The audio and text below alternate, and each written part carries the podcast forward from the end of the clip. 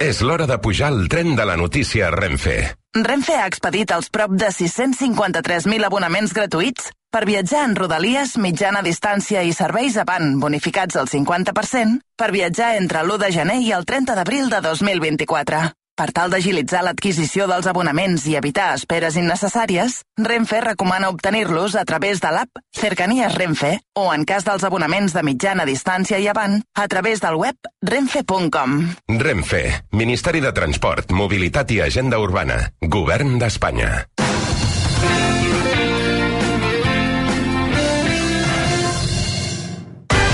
I a les 9 en punt del matí parlem de la gala dels Premis Ràdio Associació que es va convertir ahir en un gran homenatge i amb una festassa de la ràdio de Catalunya. Tu, tan cansada de lluitar, tant de temps que has d'esperar. Era la música de la Su que va versionar la cançó de la ràdio del Diango al Palau de la Música que va acollir ahir una nova edició dels Premis Ràdio Associació. Com recordava abans en Xavi Puig, el de millor programa de ràdio se'ls va emportar les transmissions esportives de futbol de rac els equips de les transmissions, capitanejats per Joan Maria Pou, Eduard Davall i Miquel Agut, que, com deia, no era el Palau perquè eren narrant el partit del Girona a Montilivi, van pujar a recollir aquest guardó a una feina d'equip. El Barça juga recurs coralitat, és equip, és eh, col·lectiu. Hem tingut a moltes persones de primer nivell que han format part de la família del Barça juga RAC1. Gràcies per aquesta paciència i gràcies sobretot per deixar-nos entrar a casa o al cotxe o allà on siguin perquè estem molt, molt, molt feliços de, de ser-hi. Gràcies i visca la ràdio esportiva en català. A les, transmis, de, les transmissions de RAC1 van rebre el premi al millor programa de ràdio ex aequo, amb el Tot Costa de Catalunya Ràdio, un premi en doble significació, com recordava un dels seus dos presentadors, una és la Sònia Gelmà i l'altra és l'Agra del Jordi Costa. Felicitar naturalment a tots els companys de, de rac que, que ens acompanyen, premiats per les seves transmissions esportives, perquè amb el seu nivell ens han fet millors, no us mentiré, per una qüestió de biografia professional, aquesta part del premi també ens la sentim una, una mica nostra. Així que gràcies a tots, enhorabona, llarga vida a la ràdio esportiva i llarga vida a la ràdio en català. El de les retransmissions esportives no va ser l'únic premi que vam rebre a RAC1 ahir a la nit. El responsable del sistema informàtic i la veu institucional de RAC1, Carles Godó, un altre agre que podria ser cosí germà de Jordi Costa, però que en canvi ens l'estimem amb bogeria perquè és entranyable, també va endur-se una menció d'honor. Godó la va dedicar a qui va ser cap tècnic de l'emissora, David Marca. Aquesta menció la vull compartir amb la primera persona que hauria trucat quan em van comunicar que rebria aquesta menció i que segur que estaria orgullós de mi i m'hauria dit alguna cosa com que són bojos aquests de Radio Associació, què passa, que no coneixen a ningú més o què que t'ho de donar tu? Però no el vaig poder trucar perquè una puta malaltia se'l van dur al juny de 2023. I tot i que sé que el molestaria, crec que avui és el moment idoni de demanar-vos un merescut aplaudiment pel meu amic David Marca. Els periodistes Carles Pérez i Josep Genescà també van rebre una menció d'honor en una nit amarada del poder i de la màgia de la ràdio. Seguint aquesta gala, al Palau de la Música hi havia la Maria Cusó.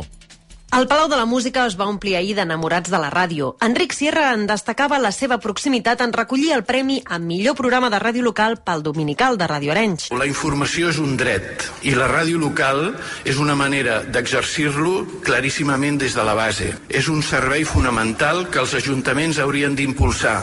Igual que tenen policies locals o escoles bressol, també han de tenir ràdio. Mohamed El Amrani, Premi a la Inclusió pel programa D'on ets tu, de Ràdio 4, en destacava la capacitat de crear vincles. M'agradaria dirigir-me als nens i a les nenes d'origen migrant i dir-los que ens mirin, som aquí, és possible i que sigueu orgullosos i orgulloses de ser catalans i catalanes. I David Balaguer, Premi a la Innovació pel podcast Ronda Perversa de Radiofònics, el seu compromís. Estimar, respectar molt la, la nostra llengua, la llengua catalana, que és la llengua que jo estimo, i que és una llengua tan rica de la qual cada dia en pots aprendre coses noves. Un palmarès que va tenir un premi sorpresa, el reconeixement conjunt d'agraïment a Ràdio Barcelona, Ràdio 4, Catalunya Ràdio, RAC1, la xarxa i la Federació de Ràdios Locals que mantenen la ràdio en català més viva que mai.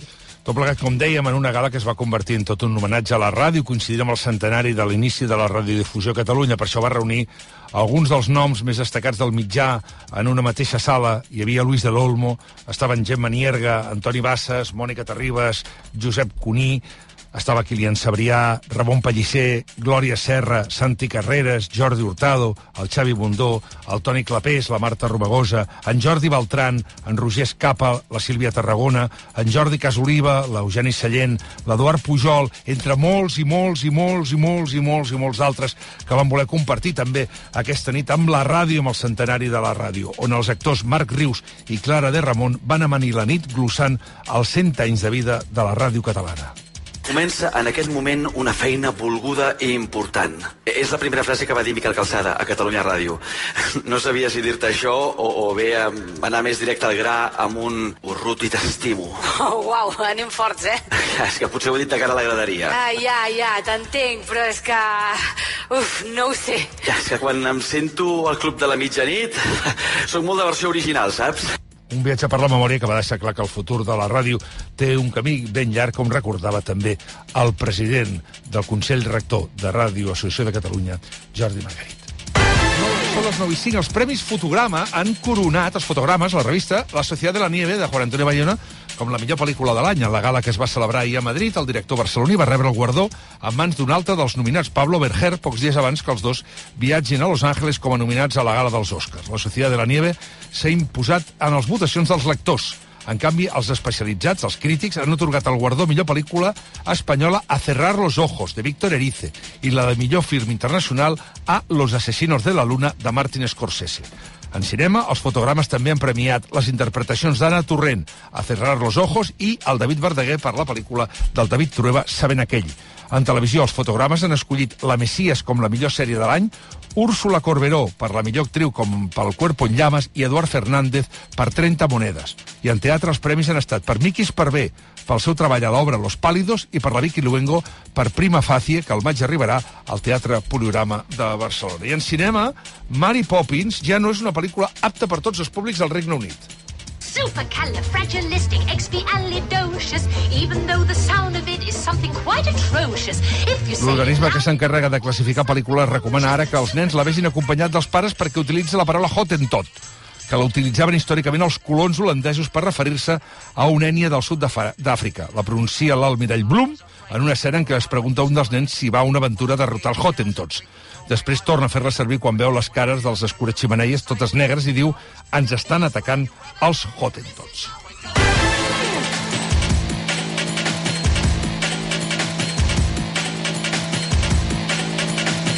Ha sortit Albert... Albert eh, perdó, eh, eh, veig que ha sortit Salvador Illa, però farem una cosa. Esperem d'aquí una estona, eh, després de la roda de premsa, parlarem amb Salvador Illa aquí al Món RQ i després també connectarem d'aquí uns moments amb Laura Vilagrà després d'aquest acord dels eh, pressupostos. Però encara ens queden algunes notícies. Per exemple, aquest divendres s'estrena als cinemes la segona part de Dune i el seu protagonista, Timothy Chalamet, s'ha desfet en elogis cap a Javier Bardem, que també surt a la pel·lícula i és el seu company de repartiment. Obviously, Javier Bardem is one of the greatest actors. Òbviament, Javier Bardem és dels millors actors de les últimes dues dècades. M'encanta l'escena en la que es troba amb Paula Atreides a la mateixa habitació per primer cop i els Framen fan broma sobre ell. La forma en què mou el mocador. Viu dins del personatge. La veritat és que van passar dies extraordinaris durant el rodatge. I després van veure la pel·lícula i van dir aquest home és un geni. És increïble quan vius una cosa un dia en directe i després a la pantalla encara esdevé més real. Comes to life even more. Uh, de fet, també han, parla, han parlat meravelles de Bardem dues de les protagonistes, de Dune, Zendaya i Florence Pugh. Per cert, que avui a partir de les 11 parlarem d'aquesta segona part de Dune que està acollint elogis extraordinaris per part de la crítica que ja ha vist la pel·lícula. Moltes de les crítiques parlen de la pel·lícula de Denis Villeneuve com una obra mestra de la ciència-ficció que supera fins i tot la primera part. És, sens dubte, una de les pel·lícules de l'any i aquest matí a partir de les 11 en parlarem amb un català que hi ha treballat, Jordi Alavedra, un expert en efectes digitals que treballa a Londres. I en música, així sona el més nou de Roger Pedrós.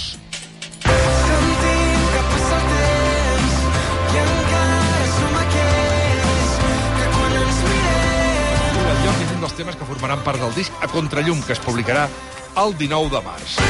I a la resta dels esports, deixeu-me dir que el pròxim partit del Real Madrid de dissabte al camp del València serà el retorn de Vinícius després que la temporada passada uns brètols l'increpessin des d'un sector de la graderia. Des d'aleshores el València treu foc pels queixals perquè considera que el brasiler va, va acusar tot Mestalla de racisme. L'empipada del club és tan gran que ha negat l'entrada de Netflix a Mestalla perquè pugui filmar el retorn de Vinícius com a part d'un documental que la plataforma està rodant sobre la seva vida. Per cert, després de lligar Kylian Mbappé, avui la premsa de Madrid dona per fet que Florentino Pérez ha arribat a un acord amb Alfonso Davis, un dels millors jugadors al Bayern de Múnich. El lateral acaba contracte el 2025 i si els bavaresos volen fer caixa l'han de vendre aquest estiu. Si realment Alfonso Davis és un altre dels fitxatges, hem de dir que a partir de la temporada que ve al Real Madrid no, no li sumen títols, haurem de començar a restar-los arrestar-los el que han de guanyar sí o sí, Champions, Lliga i Copa. No hi ha més històries si fitxen Mbappé i també Alfonso Davis. I més coses, el Barça ha retirat la condició de futbolista llegendària Dani Alves, el club l'ha esborrat d'un apartat del seu web que recull els jugadors més importants de la història. La raó és la condemna del brasiler de, per violació. I Anglaterra avui el Manchester City es juga l'accés als quarts de final de la CAP. L'equip de Guardiola va al camp de Luton Town a les 9 del vespre. Per cert, ja s'han esgotat els dorsals per la Marató de Barcelona, que se celebra d'aquí a dues setmanes. L'organització ja ha tancat les seves inscripcions després d'arribar als més de 20.000 participants. És la tercera millor xifra d'inscrits de tota la història de la Marató de Barcelona, que va aglutinar prop de 20.400 corredors. Hem d'anar fins l'any 2016. Contractar la llum amb Repsol estalviant els proveïments. Contractar la llum amb Repsol estalviant els proveïments. Contractar la llum amb Repsol... Però què estàs fent? Contractar la llum amb Repsol. Perquè m'estalviaré 20 cèntims per litre cada vegada que faré benzina durant 12 mesos pagant amb Wilet.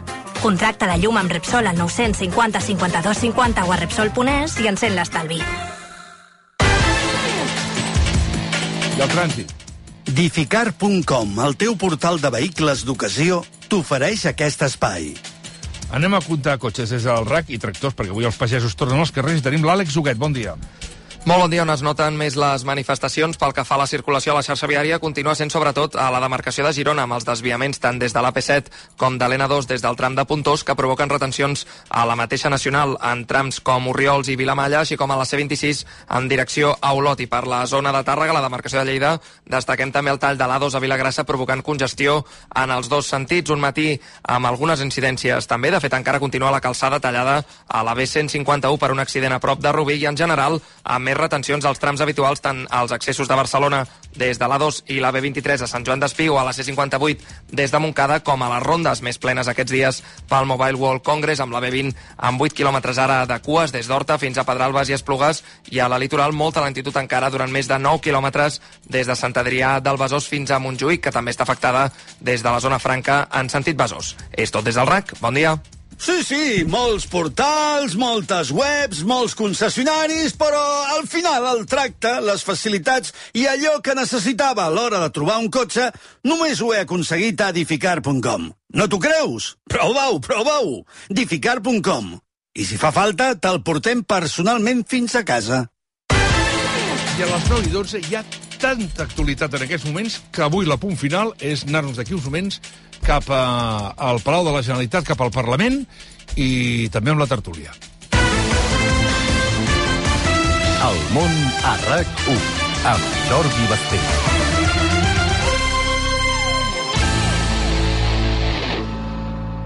A CaixaBank sabem la importància de tenir algú a prop.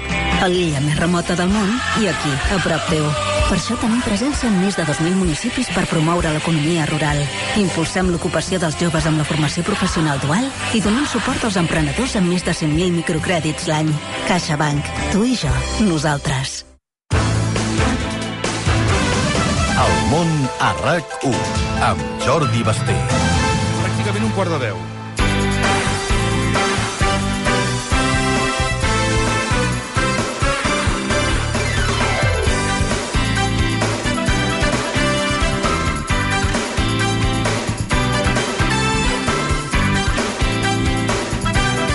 Banc Sabadell t'ofereix el perquè de tot plegat. Avui, amb l'historiador i expert en comunicació, Joan López Alegre, i els periodistes Isabel García Pagán, Toni Aire i Ot Bou. A l'ull de poll, Mònica Hernández. Hola, Toni Aire, bon dia. com Què tal? Joan López Alegre? Bon dia. Hola, bon dia. Isabel García Pagán. Molt bon dia. Hola, Otbó, bon dia. Hola, bon dia i bona hora. I bona hora. Hola, Mònica Hernández, bon dia i bona hora. Hola, Jordi Basté. Bon dia. I saludem també Laia Colomer. Hola, Laia, bon dia. Hola, bon dia. On pares tu, Maria? Doncs uh, sóc al Parlament, que ara mateix està compareixent el primer secretari del PSC, Salvador Illa, donant compte no, d'aquest acord uh, que han arribat amb el govern pels pressupostos d'aquest any. I Adrià Santa Sí, sí. Bon dia. Hola, bon dia, què tal? Adrià Santa Susagna, que ens, eh, ens alertava a les 8 del matí també d'aquesta d'aquest acord. Eh, tu ets a la Generalitat perquè Sí, a la- d'aquí res ha de sortir la Laura Vilagrà. Suposo que quan acabi Salvador Illa, no? Interpreto? Correcte, sí, deixarà que primer parli Salvador Illa i després compareixerà Laura Vilagrà, la vicepresidenta, des d'aquí al Palau de la Generalitat. A veure que ens expliquin aquest text, que ja el tenim, que ja Val. l'hem pogut uh, llegir i que deia coses a... Una cosa, una cosa ara comentarem, però abans, eh, Laia, ha dit alguna cosa... Aviam, en resum, no hi ha preguntes, interpreto, i perquè clar, això anirà per feina. Què ha dit Salvador Illa fins ara, Laia?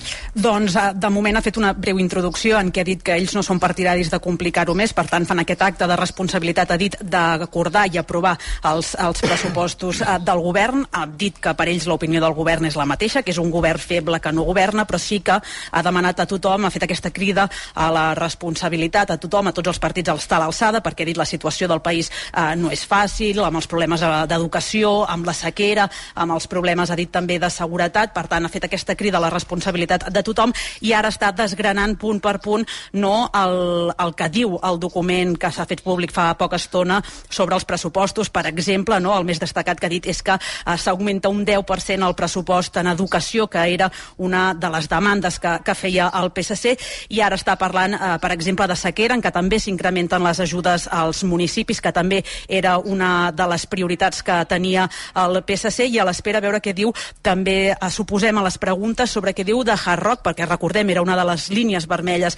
en la negociació dels pressupostos, el PSC ho demanava, en canvi els comuns no en volen ni sentir parlar.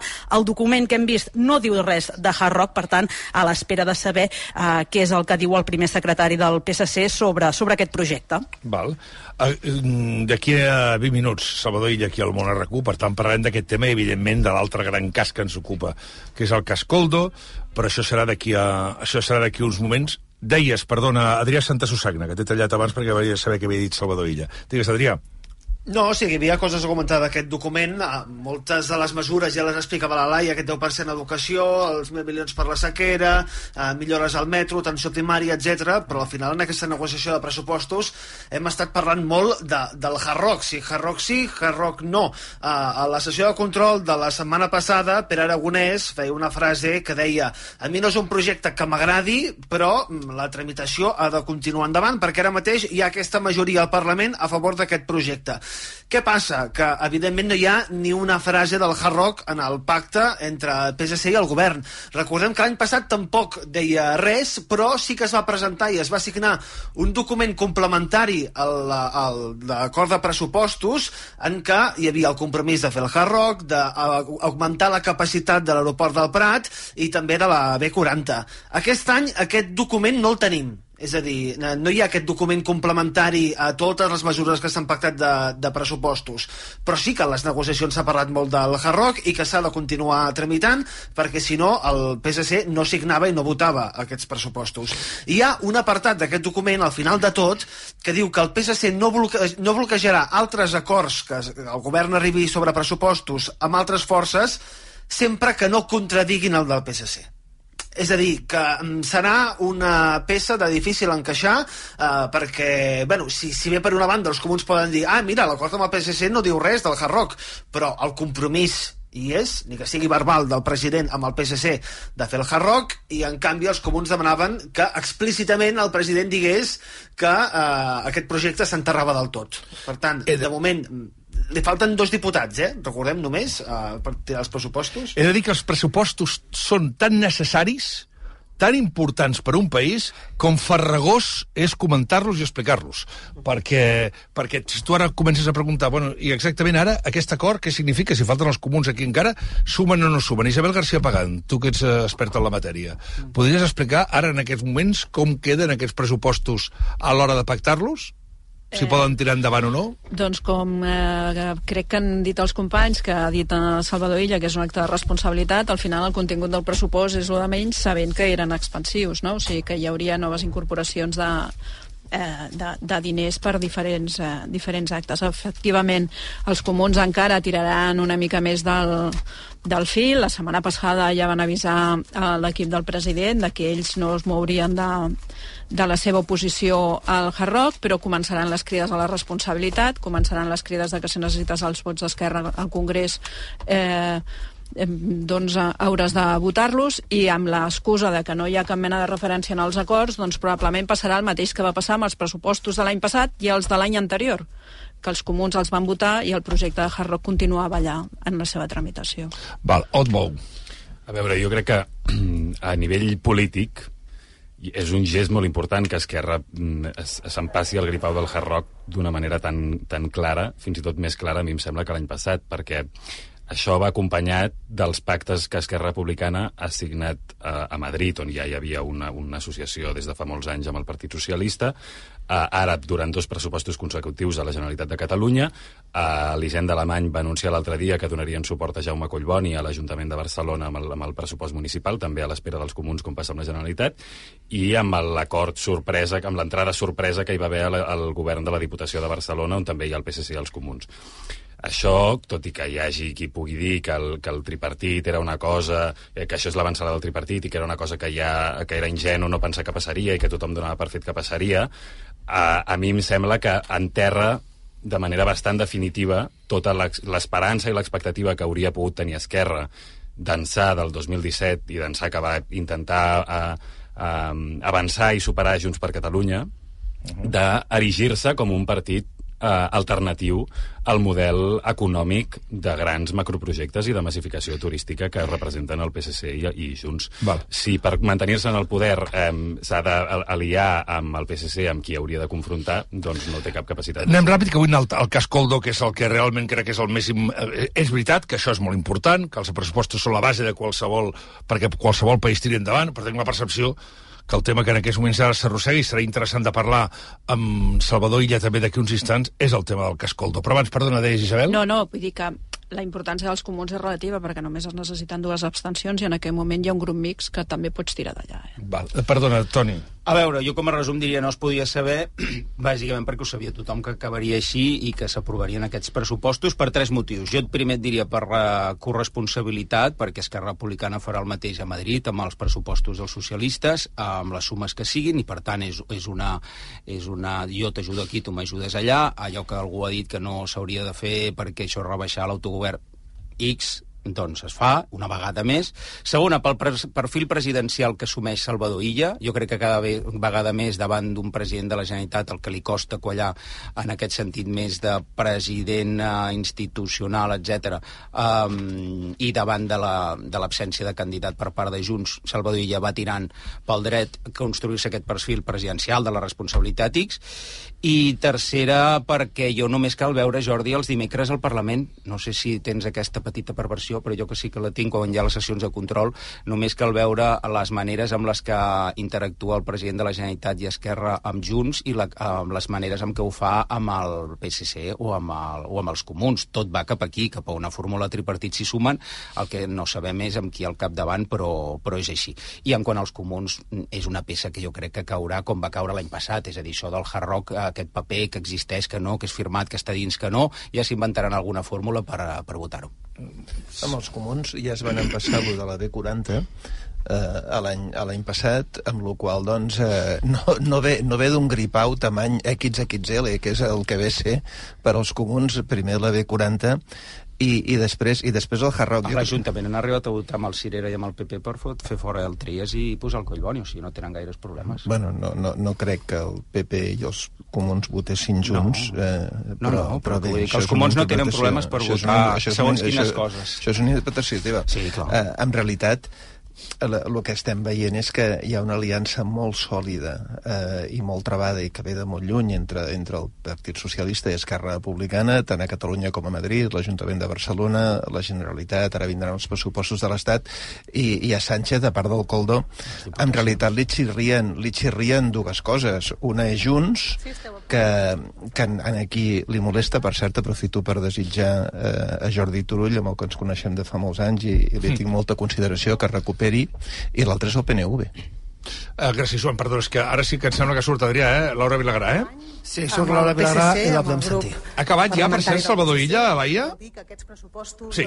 Ara mateix està fent tota l'explicació en castellà. Perfecte. Sí, sí, però, però ja ha acabat l'explicació genèrica.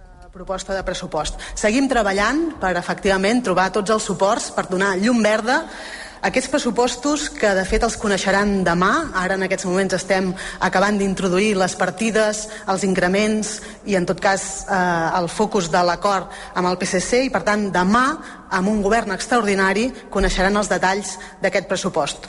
Uns pressupostos que són els més expansius de la història, els més socials de la història, aquests pressupostos que es mereix la ciutadania de Catalunya per efectivament tenir més mestres, més metgeses i metges i més Mossos i per donar resposta a les necessitats de la ciutadania. Concretament, creixem amb 2.442 milions d'euros addicionals i ens situem amb un pressupost de 43.600 milions d'euros. Si sumem tot el conjunt del sector públic, ens en anem a 49.000 milions d'euros. Per tant, com els deia, els més expansius i més socials de la història de Catalunya. Concretament, hi sumem més de 1.000 milions d'euros per fer front a la sequera. És evident que és el gran repte en aquests moments i hem de posar-hi tots els recursos que calen. També hi posem més de 1.000 milions per primera vegada en temes de recerca, innovació, desenvolupament. Això ho hem anunciat, ho ha anunciat el propi president en el marc del Mobile i creiem que és una de les grans polítiques de transformació d'aquest país, la recerca, la innovació, el desenvolupament. També situem 1,7% del pressupost en cultura, per tant ens estem acostant a aquest 2% que reclama el sector. Cada any hem anat incrementant els percentatges i això situarà doncs, eh, molts recursos addicionals per l'àmbit de la cultura o l'audiovisual. També hem arribat a créixer respecte al pressupost de l'any passat en un 10% en les polítiques d'educació. És evident que hi hem de destinar també tots els recursos necessaris per fer front als reptes que té doncs, eh, la nostra educació a aquest país. Això vol dir situar-nos a 7.430 5 un dia farem una cosa, un exercici que és... No, no ho dic per la, per la, vice, per la vicepresidenta. vicepresidenta, és que em perdo amb els, amb els càrrecs. Vicepresidenta Laura Vilagrà, però haurien de veure, de debò, és un exercici meravellós de fer, que és cada vegada que hi ha uns pressupostos, siguin a Catalunya, siguin a Sempre l'Estat, són els més expansius de la Els història. més- els més socials. Més socials. més socials. els més socials de la història. Són els que- Quants Aquests diuen els més socials de la història? Els 25ens, anem més o menys per aquests, aquí. propo- aquests pressupostos, a més a més, eh, són fruit d'una paradoxa que, que assenyalava el, el Toni Aire inicialment, diguéssim, no? El president, si qualla o no qualla, o si el govern és feble o no és feble, però resulta que aquest govern amb 33 diputats ha aprovat tres pressupostos, en, que és la primera vegada que deu passar en 15 anys o un, una mica més, potser, i a més a més s'acabarà la legislatura gràcies a aquests tres Com pressupostos, Montilla, Montilla també ho va fer. Que era 2010. Sí, sí. Sí, Vull dir, però estem al Montilla 2024, eh?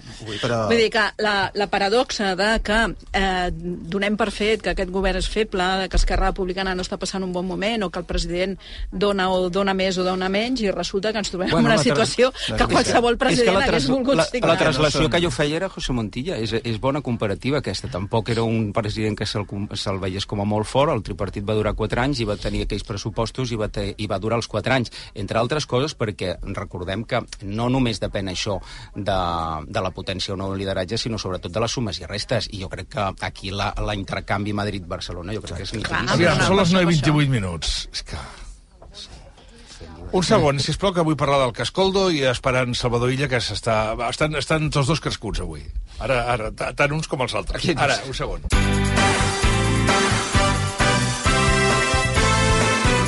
El per què de tot plegat. Dos quarts tocats de 10 del, del matí, mentre no tenim d'aquí uns moments Salvador Illa aquí al món a RAC1, però mentre no parlem amb ell i hem de parlar dels pressupostos, evidentment, parlem dels pressupostos, però bàsicament el que volem parlar és del cas Coldo. Eh, d'aquí una hora i mitja aquest senyor eh, se li acaba el 24 hores de Kiefer Sutherland, se li acaba el capítol i el capítol s'acaba en que ha d'entregar l'acte de diputat. De moment diu que no l'entrega, de fet, avui surten unes menes de declaracions o de conversa al país que va mantenir en Santos Cerdán, que li va dir que, escolta, jo no estic eh, ni tan sols investigat a la causa, eh, i que, i que, bueno, i que, i que ell no i que diu que va dir exactament és injusto, os estáis equivocando, diu. Jo em posicionava amb una cosa, que és que jo amb això... Amb això, amb això he vist, he vist que m'estan mm, assassinant a la xarxa el grup eh, habitual de, pel tema Laura Borràs, i, perquè ahir vaig defensar Avalos i atacava Laura Borràs. No, no, no, jo no vaig atacar Laura Borràs mai, jo vaig dir que Laura Borràs estava imputada, o sigui, estava investigada, i el, par i el, i el que diu el, el, la, la, mm. la llei del Parlament de Catalunya és que quan tu estàs investigada, que abans es deia imputada i mm. més investigada, quan estàs investigada o investigat, has de deixar la teva acta de diputat, sigui quin sigui. En el cas d'Avalos és que estem en un cas que no està. Ell no està investigat per l'Audiència Nacional. És veritat que em vaig quedar sol. Mm.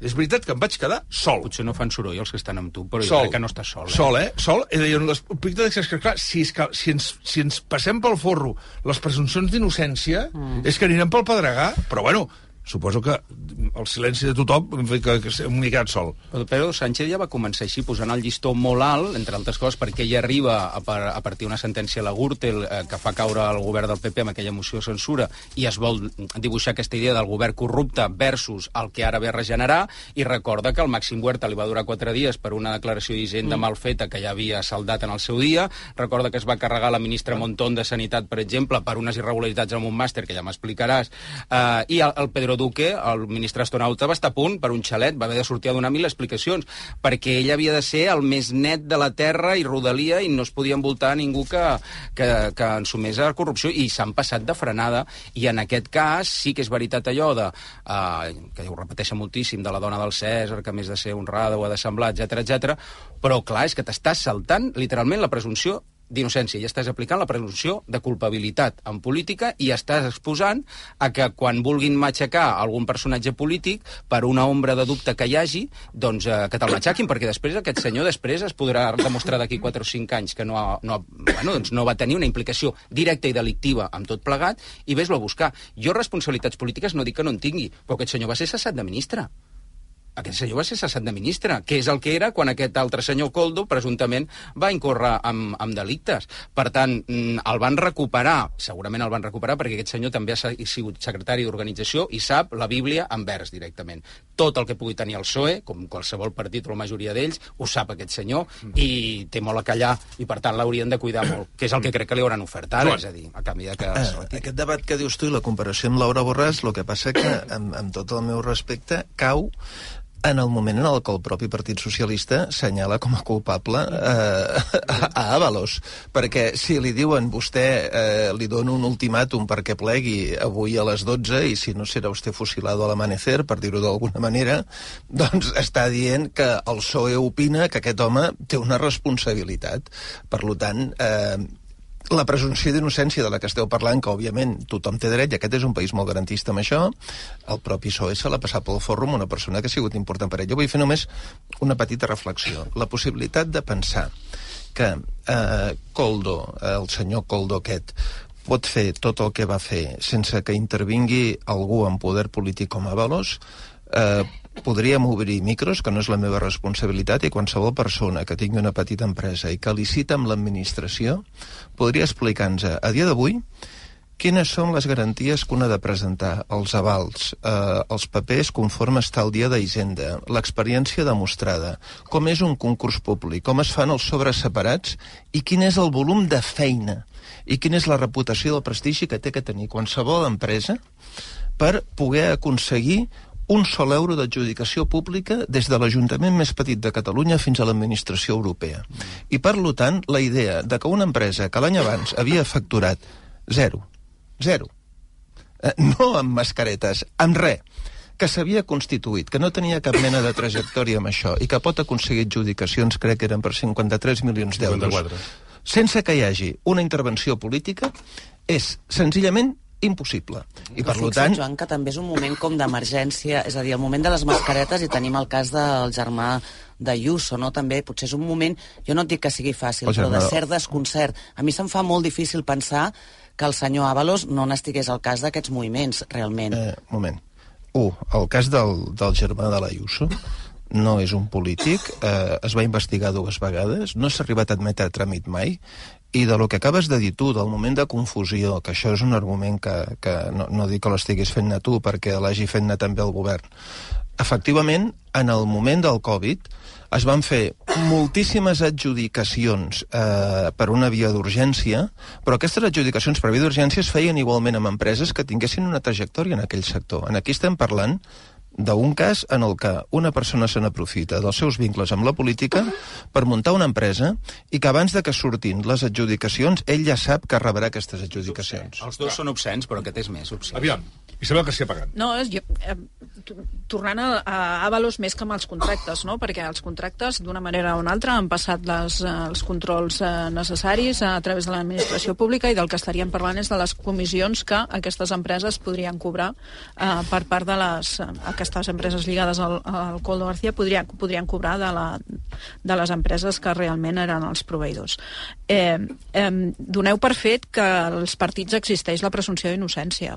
Perdoneu, eh? Però això és un concepte jurídic, però en la política la presumpció d'innocència entre els partits no, no existeix. No, no, és, no, és, no és una, un partit no és una meritocràcia a l'ús, és, una, Eduard meri- és, un altre, Junts per Catalunya. és un altre tipus de meritocràcia i per sí, tant, o sigui, en el moment efectivament quan deia el Joan que el PSOE és qui surt i li demana l'acte de diputat al senyor Ábalos doncs eh, no és que es carreguin la presumpció d'innocència, és que no l'han no, no l'han tingut en compte mai. Cuerpo a tierra que vienen los no l'han no tingut en compte. L'apliquen a qui volen, perquè Pedro Sánchez estava a la cúspide i a ell se li aplica la presumpció de... Si no, vol- No, però és que això és és que- a veure, el que, el, que, el que jo crec que està intentant el PSOE i el que jo crec que està intentant Pedro Sánchez, més que respectar o no respectar la presumpció d'innocència, és, a través d'un gest mm, simbòlic i molt brusc, substituir um, la, la, la necessitat real, que és que donin explicacions, que és el seu deure, um, hi ha, hi ha per l'Oficina Independent de Regulació i Supervisió de Contractació um, hi ha un informe que va detectar 3.200 anomalies amb, amb contractes no publicats, vull dir que, la, que, que el PSOE segurament té por que això mm, s'escampi com un atac d'oli i que el, els hi origini una cadena de noves crisis i de nous casos que els hi arriba en molt mal moment perquè tenen les eleccions eh, basques i les eleccions europees a la cantonada i d'aquí un temps tindran les eleccions, eh, les eleccions catalanes um, i per tant jo no, la, la, la presumpció d'innocència no els importa tampoc per això perquè no, per, primera perquè Pedro Sánchez ja ha demostrat que és capaç de deixar caure qualsevol. I després perquè, no, perquè, perquè necessiten un, un tallafoc urgent? Ara, sobre el debat eh, teòric que tu plantejaves jo estic d'acord que d'entrada el que hauríem de fer és prioritzar la, la, la presumpció d'innocència. Um, aquí amb el, amb el cas de Laura Borràs eh, hi estic d'acord que era diferent. També és veritat que era una investigació prospectiva i que hi, que hi va haver moltes irregularitats amb el cas però per exemple fa quatre dies vam tenir eh, un cas molt il·lustratiu a Portugal que va portar la dimissió del ministre Antonio Costa i després la Fiscalia va reconèixer que era perquè s'havia confós amb unes trucades que havia interceptat amb un altre Antonio Costa, o una persona que tenia el nom molt semblant, Uh, i després, al cap d'uns dies, encara va, va, va alliberar sense, sense càrrecs una part dels investigats amb aquella, amb aquella operació.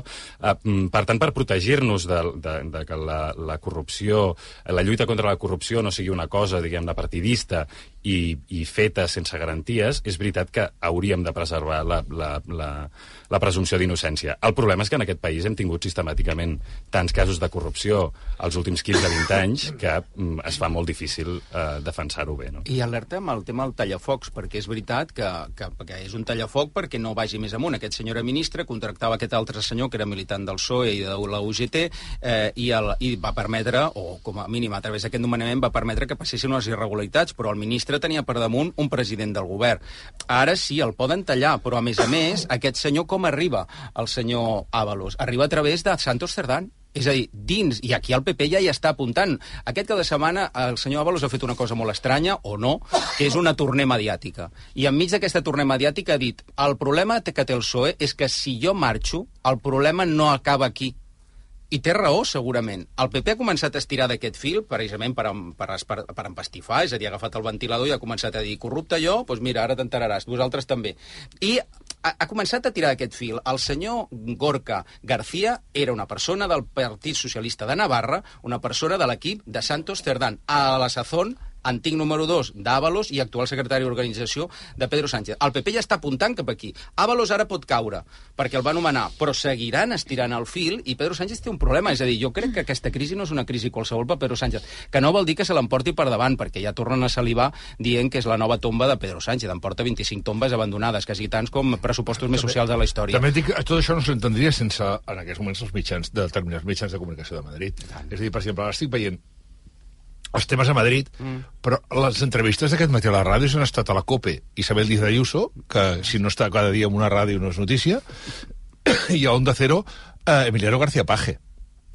Ostres, amb la qual cosa, a Madrid, la pressió atmosfèrica que hi ha és bestial. És a dir, llavors que ho mires des de la perspectiva de l'extraradi i dius, bueno, bueno, què, què estan fent? Però, esclar, jo és que m'imagino la pressió que ha d'haver a Madrid quan et surten des dels teus barons, et surt Isabel Díaz Ayuso, que surt cada quart d'hora, a tots els mitjans de comunicació, inclòs la SER amb Àngels Barceló dient que aquest senyor havia de plegar.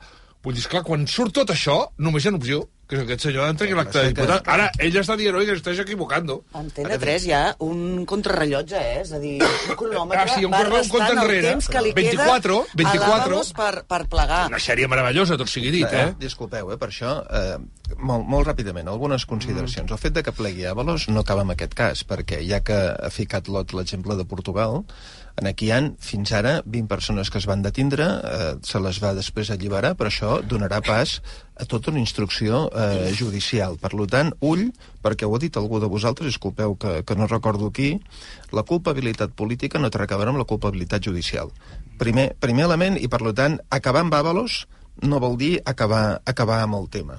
La segona qüestió, que jo crec que és molt important, eh, és què estan negociant des de dimecres passat, quan això va rebentar, eh, fins ara el Partit Socialista i, i Avalos? Eh, la, la, no sé si puc dir-ho, la Isabel no. eh, feia un gesto, no, no, doncs no, no el dic. Lo que ja, jo ja faig una reflexió. El que estan negociant és de què viurà aquest senyor a partir d'ara i com li paguen el sacrifici de dimitir com a diputat. I ell està dient, o em doneu el que jo necessito per viure, o si no me'n vaig al grup mixte i us amargo la vida perquè, com tothom recorda, eh, Pedro Sánchez necessita fins a l'últim vot eh, per poder per poder tirar per poder tirar per poder tirar endavant i després hi ha un tercer element que és el de l'expansió de tot això eh, aquest home no només va aconseguir influir amb òrgans de contractació la que hi ha juristes i interventors, va poder influir comunitats autònomes. Val. Després en continuarem parlant, però eh, aquesta hora al matí vull saludar el primer secretari del, del PSC, però que a la vegada, recordem, és el cap de l'oposició, Salvador Illa, eh, que el tenim en línia aquí al, al Món RQ. Salvador Illa, bon dia i moltes gràcies. Què tal? Molt bon dia. Moltes. Eh, content amb l'acord? Sí, satisfet. Crec que és un acord positiu per, per pensar en Catalunya, no? Crec que és un acord positiu. Vivim un moment complicat des del meu punt de vista, sequera, educació, són dos temes rellevants, no? I crec que amb això contribuïm a donar instruments, no? Al govern per, per fer-ho. Jo no, jo no sóc dels que quan pitjor millor i crec que és moment de pensar en el país més que en, que en eleccions o que en altres coses, no? i per tant estic satisfet d'aquest acord. Sí. Quan parlem... De, deixem parlar de tres punts que eren molt importants en l'acord, en el, si em permet, eh, en el pols entre, entre els uns i els altres, era, per exemple, tramitar el Hard Rock. Com queda el tema del Hard Rock? El, aquesta setmana passada, el, el senyor Aragonès, el president, eh, en la sessió de control va fer un, en fi, una afirmació explícita de, de continuar amb la tramitació administrativa d'aquest projecte. No? I jo, en fi, des d'aquest punt de vista dono per complert eh, l'acord de 2023. No? Eh, és una, una, un seguiment de la tramitació, de tram, tramitació administrativa de la que el govern haurà d'anar donant compte a cada pas. No, no em ve d'una setmana, però mm, fi, dono per complert aquest acord, atès el que, va, eh, el que va dir el president aquesta setmana. S'amplia l'aeroport del Prat? Amb això seguim eh, el que vam acordar, que és eh, aquesta comissió d'estudi de, de treball, que ja s'ha constituït i que ha d'anar fent el seu curs. Nosaltres hem dit sempre i seguim pensant i seguirem treballant per eh, ampliació, millora, digui com vulgui, de l'aeroport del Prat. No podem renunciar, Catalunya no pot renunciar a tenir un aeroport entre els 5-6 primers d'Europa. No? Mm, els nostres esforços per fer-ho de forma consensuada, les principals formacions polítiques seguiran persistint. Si arribéssim a, a la conclusió de que això no es pot fer de forma pactada, doncs ens explicaríem davant de la ciutadania eh, i miraríem quines altres vies es poden seguir, no? Però Mhm. intentem, estem esgotant totes les vies perquè això es pugui fer d'una forma consensuada i acordada entre el màxim nombre de formacions polítiques possible. Per tant, eh, considera que cada vegada estem més a prop de l'ampliació de l'aeroport? Jo crec que les evidències es van acumulant, no?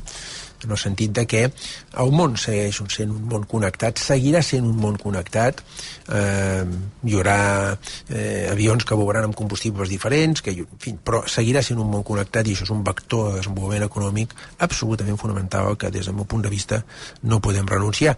S'han de fer les coses ben fetes, per descomptat, s'han de fer les coses ben fetes amb respecte al medi ambient, a la sostenibilitat i, i, i crec que Catalunya ha demostrat que sap fer les coses ben fetes i té les capacitats per fer-ho ben fet. No?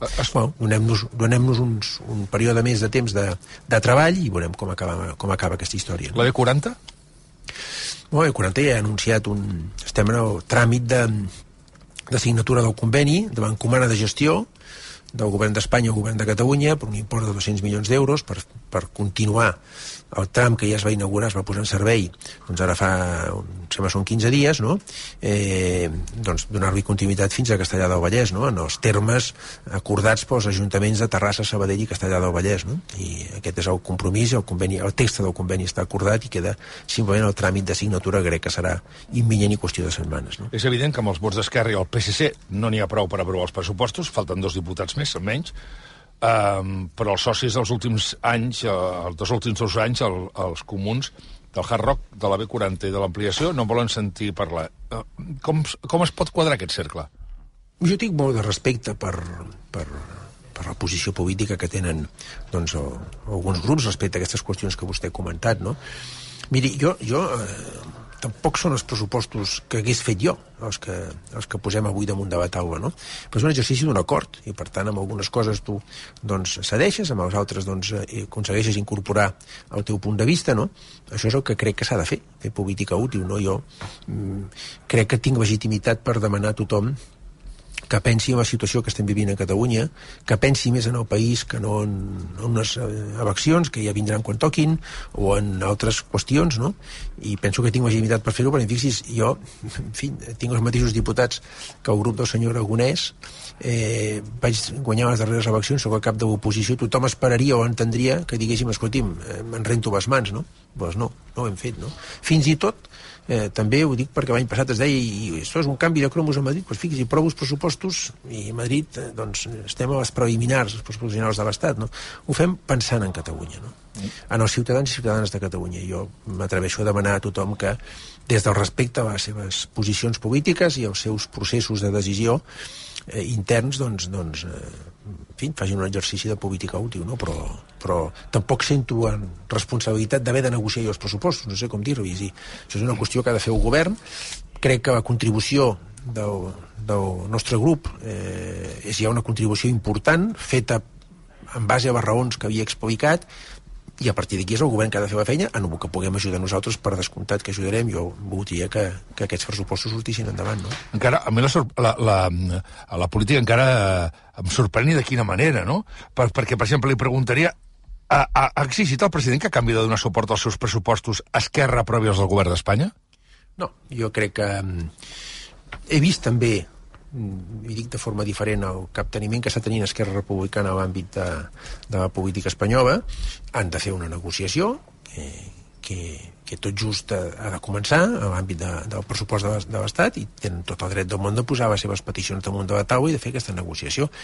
Mm, entenc eh, o enfio del criteri de responsabilitat dels diferents grups polítics però no ho he condicionat ni ho puc condicionar. Jo sempre he dit que cada cosa és cada cosa jo aquí he negociat pensant en els interessos dels ciutadans i ciutadanes de Catalunya des d'una visió clara o un, una concepció clara de la política com a política útil per resoldre problemes, no per agreujar-vos, o almenys per intentar resoldre'ls, no?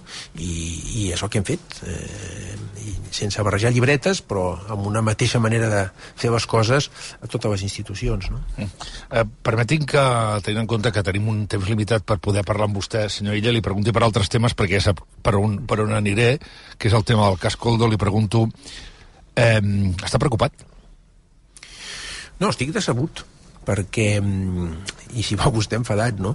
perquè hi ha actuacions eh, doncs, individuals de persones que en moments de molta dificultat no? doncs, eh, s'aprofiten personalment d'aquesta situació i això doncs, indigna. No? I dic davant d'això que eh, cap contemplació i, i esbrinar les coses fins al final i, i, l'actuació de la justícia doncs, que sigui eh, impecable en aquest sentit. No? Ara, també vi dic, jo vaig viure en, en primera persona tot, tot el que va passar durant la pandèmia, no? I aquests fets greus, puntuals, inacceptables, no? que fins i tot generen molt rebuig, no? a mi no em canvia la imatge que crec que va ser la norma general que jo vaig viure, no? de molta gent, eh, servidors públics, que van donar fins i tot la vida per combatre la Covid, no? i que van fer tot el que havien de fer amb honestedat, fer la seva feina, no? I aquest, aquest és el, el comportament, la pauta general que jo vaig viure durant, durant un any i una setmana que vaig estar de ministre de Sanitat, no? Per això m'indigna i m'entristeix que hi hagi gent que se n'hagi aprofitat personalment i dic que davant d'ells doncs, o davant d'aquestes actuacions s'ha de ser implacable, s'ha de ser completament transparent i s'ha d'actuar sense contemplacions. No? Però sense perdre, jo almenys no perdo o, la imatge, la norma general del comportament que vaig eh, viure molt en primera persona. No? No sé si a Salvador Illa, algú del seu entorn, algú de la família o algú de la política ja l'he dit directament, calça't perquè la propera persona que aniran és per tu. Però estic calçat des del primer dia jo, vostè sap que jo em havia vacunat abans de temps, vostè sap que jo em havia tret una PCR que em havia fet que va resultar ser falta, va ser falsa, i m'havien mentit de tot, i m'han mirat pel dret i pel revés. Perquè hi ha gent que en aquestes circumstàncies només busca això, burxar, per tant, només nou això no més agradable tampoc, no m'entengui malament eh? però nou només ja, Està tranquil? Aquesta... Sí, tant que sí, estic tranquil eh, i a més a més ja m'hi dic, miri, jo vaig compareixer 22 vegades eh, al Congrés dels Diputats durant la pandèmia. Vaig respondre una mitjana de 20 preguntes al dia, escrites, al Congrés i al Senat. Vaig anar quasi bé 40 vegades, 39 vegades em van interpel·lar al Congrés i al Senat, doncs, doncs, quan em cridin a la comissió d'investigació hi aniré per descomptat i donaré totes les explicacions amb tota transparència, amb tota tranquil·litat, reconeixent que no vam ser perfectes en la gestió de la pandèmia, però explicant tot el que vam fer, per què ho vam fer i, a més a més, en aquest sentit tinc una tranquil·litat de consciència i d'esperit i una confiança en les persones que em van acompanyar al Ministeri de Sanitat durant aquesta, durant aquesta etapa doncs molt alta. No? Miri, si Avalos és responsable polític del cas Coldo perquè va fitxar. Vostè coneixia aquest home, per cert? Sí, jo havia saludat perquè anava sempre amb el ministre Avalos, per tant el coneixia d'haver-lo saludat, sí, sí. Però d'haver-lo saludat, res més, vull dir, no, no tenia cap més... Eh, res més. Res més, eh? Ho dic perquè... Eh, dic tot això perquè el cas Coldo investiga irregularitats en l'adjudicació dels contractes del govern d'Espanya per la compra de mascaretes en plena pandèmia del coronavirus, que quan era vostè, com ara comentava, ministre de Sanitat. Jo li pregunto... Eh, eh, així de, de, de, de, de, de, de directe, pot assegurar que tots els contractes que vostè va adjudicar i va firmar com a ministre es van fer correctament? Ho assegura el Tribunal de Comptes que ha fet una supervisió de la contractació que vam fer. Es van fer en el marc d'una contractació d'emergència, a primera etapa, necessària per poder obtenir el material que necessitàvem i perfectament explicada i supervisada pel Tribunal de, de, de Comptes i en continuació, fora ja del règim d'emergència, s'ha fet seguint la tramitació normal. Per tant, estic tranquil i, i vamos... I va veure mai res sospitós que, va veure mai res sospitós que quadri amb el que està sortint ara? No. No, no, Havia sentit mai a parlar de solucions de gestió, que és aquesta empresa que no. hauria pagat comissió? Mai. No, no. Va. Jo, ni, ni d'aquesta ni d'altres, és a dir, hi havia un equip de contractació al Ministeri de Sanitat que feia la seva feina, feia els seus, les seves comprovacions, i vostè comprendrà que jo no estava en fi, a sobre d'això, però, però, però, però ni d'aquesta ni de cap altra. Acabo de seguida, eh, Salvador Illa. La gent no neix ensenyada, com sempre m'agrada dir. Ens podria explicar com s'adjudicaven els contractes per comprar mascaretes durant la pandèmia del coronavirus? Doncs miri, es va crear una unitat eh, especial amb gent de, d'Ingesa, amb gent del Ministeri, la directora general de cartera de serveis, amb gent de comerç exterior, amb gent de l'àmbit del Ministeri d'Interior, es va comptar amb, pels temes logístics del Ministeri de Defensa i es rebien peticions, eh, ofertes, s'analitzava eh, eh, mínimament, la, hi havia un protocol intern, la solvència del proveïdor, la idoneïtat del producte i es comprava eh, el preu que fos el millor possible però tampoc era la consideració import, més important en aquell moment el preu, la consideració més important era tenir material a disposició, no? Li pregunté si ha parlat amb... I... Ah, perdó, perdó, perdó, perdó, disculpi. No, i així es fèiem, no? I tirant dels proveïdors habituals, i ho vam fer-ho tots. Tots és tots, tots és tots. Nosaltres, comunitats autònomes, França, Alemanya, Itàlia, tots. O sigui, en aquell moment no hi havia producte, i anava a buscar on era, no? Mm. I, I crec que vam fer el que havíem de fer, fixis, no? Ha parlat amb Bàbalos, darrerament, perquè van compartir ministeri. Com, uh, no. no. I, amb, I amb Pedro Sánchez? Sí, Sí, sí, tinc una, un diàleg habitual amb Pedro Sánchez i jo, evidentment, a l'àmbit de les converses discretes, però sí que he parlat els darrers dies amb ell. Bueno, vaig saludar, evident, per descomptat, en el sopar d'inauguració del Mobile, però a banda d'això he tingut algunes converses amb ell, sí. Mm, avui el Sergi Pamis escriu a l'avantguarda una cosa que estic plenament d'acord. Diu, trobo faltar que recordi amb quina gentussa van haver de tractar les democràcies per aconseguir mascaretes en la pitjor fase de la pandèmia del coronavirus. És així. Hi havia, hi havia, hi havia casos en què era així. Hi havia casos en què hi havia gent, ja ho he dit abans, que enmig de moments molt delicats eh, s'aprofitava. També hi havia casos, la majoria, al contrari, de grans empreses amb plataformes logístiques a Àsia que van ajudar sense cobrar un duro per transportar material i per buscar proveïdors, de persones individuals que tenien contactes eh, o coneixements i es posaven a disposició, de gent que en aquí va engegar processos per poder fabricar... O sigui, jo no em quedo, no vull que això m'esborri, el millor que vaig veure, que va ser, a més, la norma general. Ara hi havia casos concrets, efectivament, de gentussa. Sí, vostè, la paraula és aquesta, de gentussa. Eh, és el que deia avui Sergi Pamis La Vanguardia, que acabava dient això justifica la voracitat i l'avarícia dels comissionistes que es van haver d'entendre amb gàngsters? No, però sí que explica el context d'una història que per força havia d'acabar malament això, això deia. Si és que encara no ens en recordem, és que com que això passa tan ràpid, no ens en recordem de barcos, no, no parlem, no parlem d'Espanya parlem de França i parlem dels Estats Units, barcos que es desviaven eh, posant més calés sobre la taula per aconseguir les mascaretes. És que no oblidem a quina fase vivíem en aquella època, és que ens hem oblidat tots plegats. Sí, mascaretes i respiradors, no? Això era, era qui bevia salvar vides, no? I, efectivament, doncs, bueno, en fi, hi havia una situació de, de un mercat persa, no? Acabo. I, eh, eh s'investiguen els contractes del Ministeri de Foment amb solucions de gestió, però aquesta empresa també l'hauria contractat el govern balear, amb Francina Armengol, el govern canari, amb l'actual ministre Ángel Torres. Eh, vostè creu que Francina Armengol i Ángel Torres haurien de donar explicacions per aquells contractes? bueno, si si us citen en l'àmbit de comissió que es crea, doncs hauran de donar explicacions, no? però desconec el cas concret eh, que em refereix vostè, però explicacions jo crec que tots estem a disposició i amb obligació política i moral de donar-les. Eh? Ho dic perquè, miri, fixa't, aquest matí quan vostè deia, no, m'ha agradat molt quan li he dit, escolti'm, quanta gent li ha dit està cal, eh, eh, calcis, mm, vostè m'ha respost, no, no, si ja vaig calçat. Ho dic perquè, i aquest matí a la Copa Isabel Díaz Ayuso, que continua amb la torner, ha aprofitat l'ocasió per carregar contra qui? Contra Salvador Illa, escolti no sé hasta dónde va a llegar, pero vamos, ya es evidente que no queda en un caso y también en la parte del señor Illa, que era el ministro que nos prohibió comprar material, que cuando se le hizo cuello de botella y nos hizo perder un tiempo de oro, de oro a toda España, ya miró para otro lado una gestión que ha sido, a mi juicio, nefasta y donde desde el comienzo encima pusieron todo el foco sobre Madrid. Digui jo? Sí, sí, li digui? El que vostè em va dir una vegada sí. en antena, eh? sobre el tema de la gestió que va fer Díaz Ayuso amb la relació que tenia amb el Ministeri de Sanitat i amb el govern d'Espanya. Pues, eh, que, fixis, miri, nosaltres en aquell moment vam intentar mm, no polaritzar políticament i, i fer el que es havia de fer per salvar Jo crec que a la vista de tothom està el balanç eh, de la gestió que es va fer a Espanya i de la que no me n'atribueixo un mèrit, ni molt menys, no m'entengui malament, que va ser prou decent. No? A partir d'aquí, alguns o algunes sempre han estat, sempre, que si s'obria l'aeroport perquè s'obria, que si es tancava perquè es tancava, que si es havien de, eh, de, de desescavar amb un cert ritme perquè no es desescavava amb un altre ritme. Sempre han estat igual. Jo no, no, no vull donar cap mena de... de en fi, no, no entraré en això. Eh, ella mateixa, que digui el que digui, eh, que faci el que vulgui. Tothom sap eh, en quines circumstàncies s'ha trobat ell i va ser la família al respecte. Jo tampoc no, no vull anar més Però vostè que és un pactista, clar, jo ara penso, miri, ara ve, veig que duien dues televisions en aquests moments a Madrid, bueno, Antena 3 i Telecinco, que estan fent un compte enrere cap a les 11 del matí, que és l'hora que ha de deixar l'acte de diputat, presumptament, segons va demanar el PSOE, a, a José Luis Ábalos.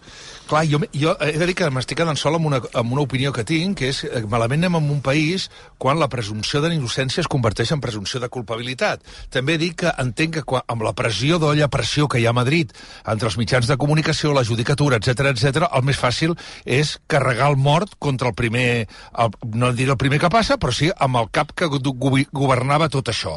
Vostè no creu que estem en un perill, políticament, repeteixo, vostè que és un pactista que de mena, que eh, paguin d'entrada gent que de moment no està ni tan sol ni, ni imputada, ni investigada, ni res?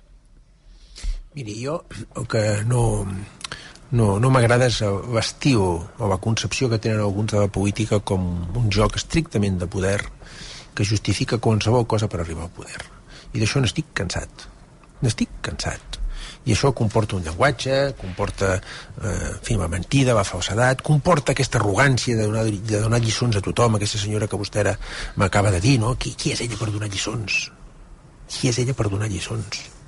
Amb el balanç que té la Comunitat de Madrid de la gestió de pandèmia i amb les circumstàncies familiars amb què s'ha trobat, qui és ella per donar lliçons? No? Aleshores, jo li dic, si una cosa s'ha fet malament, s'acabareix, màxima transparència, màxima contundència, i no m'agrada aquest clima ni aquesta concepció d'una política de, de confrontació i entesa estrictament com un joc de poder. Jo m'agrada més entendre la política, o intento entendre la política com un servei públic, com una suma de diferents punts de vista, que efectivament és un exercici moltes vegades d'acordar i, de, i de pactar. No? Així és com ho entenc, i crec que és així com avancen les societats i com es poden intentar resoldre alguns dels problemes que tenim plantejats. No?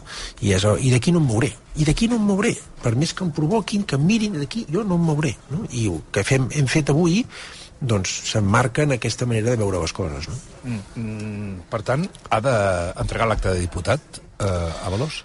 Jo subscric la, la decisió que, que, que va adoptar ahir va, va, va executiva dels, dels socialistes, no? de, de, del Partit Socialista, de, de dir, escolta, has, has, has, de, has de donar un pas al costat perquè doncs, vas, vas triar malament un col·laborador molt estret teu. No?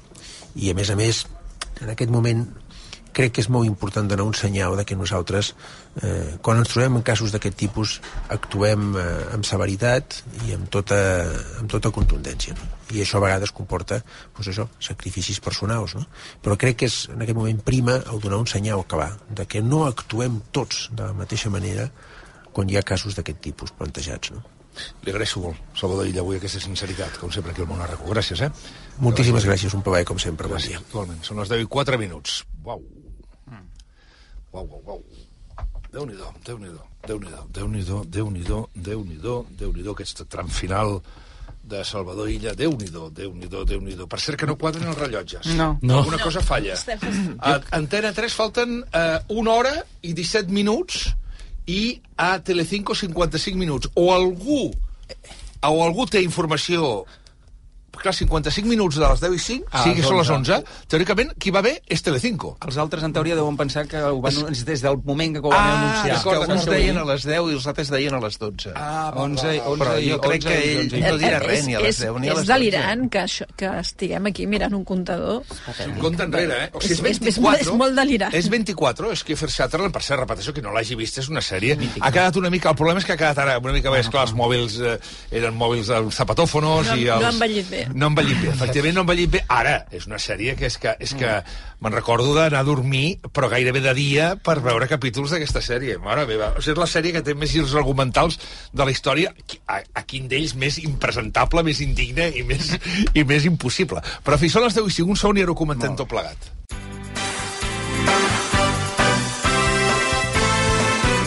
El parc plegat. Són les 10 i 10. Eh, Isabel Díaz Ayuso, repeteixo que ahir estava a Telecinco, que avui estava a la COPE amb el Carlos Herrera, ha fet una declaració de realment... O sigui, tot... Jo crec que això de llançar-se els morts de les residències pel cap els uns als altres, els altres en l'únic i passava per allà, és mal negoci. És mal negoci. Escolteu. Él está chantajeado ahora mismo por muchas, eh, por muchas partes. Está chantajeado por su propio ministro, está chantajeado por una trama de corrupción que se ve Ah, no, no, perdó, no és aquest, no és aquest, no és aquest. Perdó, perdó, perdó, perdó. M'han dit que m'esperi un segon. Aquest és el tema de Bildu i d'aquestes coses. Um, uh, abans sentíem... Uh, quin tall he de tirar? Aquest, aquest quin és? Perdoneu, aquest és el tema de Bildu, no? Val, deia, doncs la presidenta de Madrid diu que Pedro Sánchez està sent víctima d'un xantatge i insisteix que Bildu s'hauria d'il·legalitzar. Él está chantajeado ahora mismo por muchas, eh, por muchas partes. Está chantajeado por su propio ministro, está, está chantajeado por una trama de corrupción que se verá hasta dónde va a llegar. Está chantajeado por Puigdemont, está chantajeado por unos socios que lo único que quieren es destruir España y fabricar mm, repúblicas paralelas. Está chantajeado por el propio Bildu, que, insisto, debería ser llevado ante el Tribunal Supremo, no porque no me guste Bildu, no porque no me gusten sus ideas y por tanto hay que legalizar lo que no me gusta, sino porque incumple la ley de partidos, especialmente en su artículo número 9, y por tanto tendríamos que preguntarnos ante la justicia si Bildu es legal. Entonces Sánchez está chantajeado por todo esto. Eh, entonces, si acaba o no la legislatura, solo lo sabrán ellos porque entre ellos se tapan.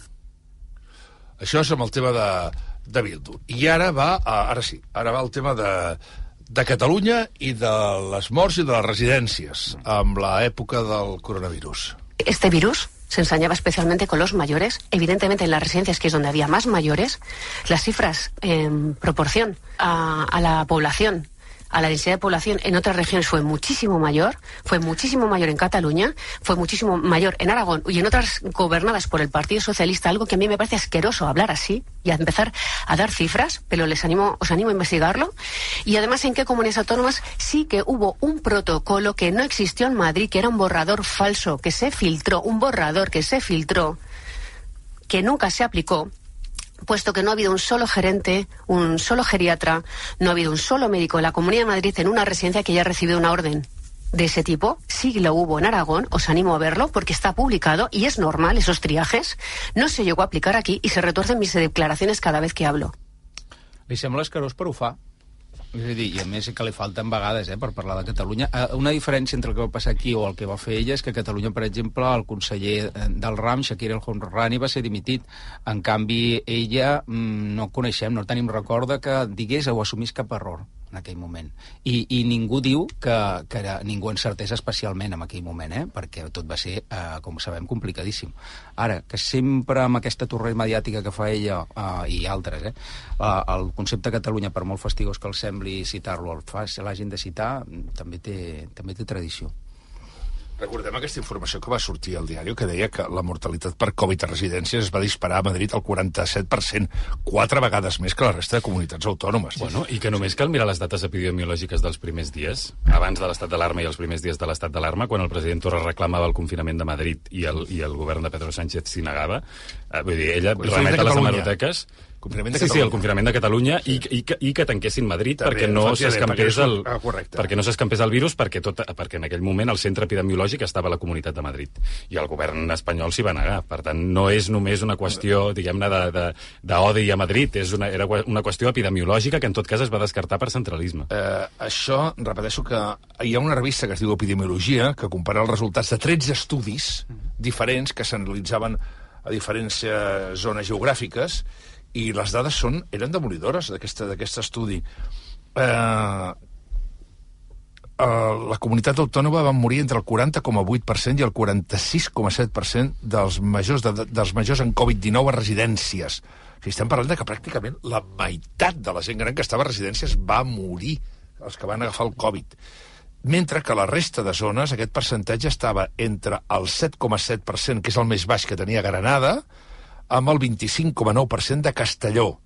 Entre la meitat i gairebé 5 vegades menys que a Madrid, Andalusia el 10,9%, a Galícia el 12,5%, Albacete eh, l'11,9%, a Navarra el 13,8%, a Euskadi el 15,3%, a Guipúscoa el 16,8%, a l'Aragó el 18,3%, a Catalunya el 18,8%, i en tot això, per exemple, a Sant Cugat del Vallès, que era una de les zones on hi havia més alt, eh, més alt percentatge, 23,4%. Per tant, el Madrid tenia més del 40% de mortalitat i Catalunya més del 18%, és a dir, més del doble. Això, és, això és el que passa quan, quan tu reps, eh, intentes rebatre els arguments eh, sobre la teva gestió tirant de titulars. El que va passar a Catalunya és que va haver-hi focus molt concentrats mm. on va haver-hi una alta mortalitat. No? Clar, si després mires quin és l'índex de mortalitat que va haver-hi a totes les residències, no és equiparable al que va haver-hi a Madrid, que va ser més generalitzat. Aquí vam tenir focus molt concrets, unes residències molt concretes durant tot aquell temps. Una apreciació respecte a el que deia el Toni Aire de lo de l'autocrítica. Si jo no recordo malament, el responsable de l'àmbit de sanitat en aquell govern era Ciutadans, a Madrid, Mm -hmm. i s'ho va quedar ella. Sí, sí. O sigui, va replegar cap al sí, PP. Sí, s'ho va, va quedar. sí, S'ho va quedar ella. O sigui que...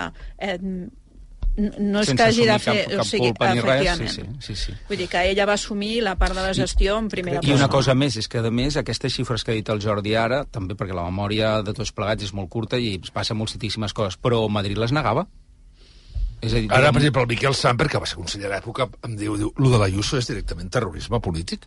Diu, fa de la mentida una arma positiva per ella i això és no tenir vergonya. I afegeixo una dada. És veritat que jo ho recordo, perquè això ho vaig parlar, me'n recordo, amb el president del Col·legi de Metges de Barcelona, amb el doctor Jaume Pedrós, que va haver una cosa que és que el govern va defensar un protocol que recomanava que, que això sí que és un cribratge que tenia una raó de ser, que és que a, a, la gent que tenia Covid amb més de 80 anys no se les ingressés a la UCI. Aquest era el protocol que deia, i això ho va defensar, recordo, la pròpia consellera Alba Vergés, sí, sí. i el, per un tema de, mm, de prioritat. De prioritat, estem parlant de 80 anys en amunt a les, a les UCIs per Covid. Jo, eh, Digues, Joan. Jo tinc, jo tinc la sensació de que hi ha en aquests moments una bona entesa entre Núñez Feijó i Ayuso i crec que per primer cop en molt de temps s'han fet un repartiment de papers que està consensuat entre Sol, la seu de la Comunitat de Madrid, i la seu del PP, a Gènova, de que qui surt a fer el, el paper d'atacar eh, el govern és, és Díaz Ayuso i estan protegint la, la figura de Núñez Feijó, el qual desmentiria aquesta idea de que ella vol assaltar el poder, etc etc etc. Eh, de lo que esteu dient, en el fons, això eh, amb Antoni en podríem parlar moltíssima estona, el que en aquí ha és l'intent del Partit Socialista de versus un cas de corrupció que afecta no només el govern, sinó un grapat de nuclis de poder importantíssims pel Partit Socialista, intentar fer reviure el debat sobre la gestió de la pandèmia, però, bueno, en aquells dies va sortir en el seu moment també Pablo Iglesias en aquelles rodes de premsa rotllo monòleg que feia Sánchez eh, Pablo Iglesias dient que el Estado asumia la gestió de tota la pandèmia i es va entrar en tota una discussió sobre qui era responsable de què, però el que veurem és aquesta baralla sobre eh, si el que compta més és la corrupció o, o com es va gestionar la pandèmia. I una última consideració. Tot el que ha dit ella eh, està molt bé si ell, quan van arxivar, sense arribar ni a jutjar, dues vegades, ja que parlem de Díaz Ayuso i ell l'ha fotut a parir, dues vegades el seu germà, que no era un polític, ell hagués sortit dient es cierto, esta persona se la ha tratado injustamente. Si no, a partir d'aquí està descalificat per dir tot el que ha dit al final de l'entrevista. Jo diria una cosa a, a respecte d'això. A veure, no és que tant que l'hagi deixat a parir com que ha descrita un, un doble discurs i, i, i tens raó. Segurament el PSOE a, aprofita per posar el retrovisor i apuntar una mala gestió que es va fer per part de la Comunitat de Madrid que quasi, quasi, recordem-ho, que es va independitzar durant aquell temps. Era quasi independent perquè ella feia el que volia, Madrid és llibertat. Recordem-ho, els números no valien, no valien els protocols, no valia res. Ara, amb ella li han pogut les ganes, perquè la primera que cita el seu germà la setmana passada és ella. Quan esclata tot aquest factor mm, Ábalos, Coldo, García i companyia, ella surt i menjant-se-la al personatge surt a dir que eh, y esta gente que ahora protagoniza esto fueron los mismos que intentaron destruirme familiarmente atacando a mi hermano y me gusta mucho la fruta el personatge ja mm, autofagocitant-se, és a dir, recordant el concepte me gusta la fruta, que és quan li va dir, diguem-ho clar, fill de puta, el president del govern d'Espanya Ja. quan, eh, quan la va apuntar, eh, però és ella qui esmenta el seu germà la setmana passada. No, jo, jo que faig seguiment de premsa com feu vosaltres constant, ningú havia citat el germà de la senyora Ayuso. És ella la que surt, dejar-me sola, eh, i surt, i a veure, realment els altres ho aprofiten, perquè sí, realment va haver-hi una gestió eh, defectuosa en el millor dels casos. A veure, uh, segur que la gestió d'Isabel Díaz Ayuso de la pandèmia a la Comunitat de Madrid no va ser exemplar. De tota manera, té, jo crec que té raó amb dues coses. La primera és que en algun moment sí que haurem de fer una revisió a fons de la gestió dels primers dies de la pandèmia, perquè en nom de, de la imprevisibilitat i de que tots i del xoc amb què ens va agafar tots, uh, hem acabat assumint coses que podrien no haver passat. I la lentitud de reacció és una cosa que podria no haver passat. Al, a, a finals de febrer ja hi havia col·legis de metges italians que avisaven que havien d'estar mm, uh, triant a qui donaven el respirador, mentre aquí encara teníem uh, alts càrrecs de, de l'aparell de la sanitat pública dient que uh, no calien que no calia la mascareta i que, no, que estaven més preocupats per la grip i pel, que pel coronavirus. I després té raó amb una altra cosa, que és que el decret del primer estat d'alarma especificava que la compra del material de protecció i de prevenció de la pandèmia es recentralitzava tota amb la persona del ministre de Sanitat.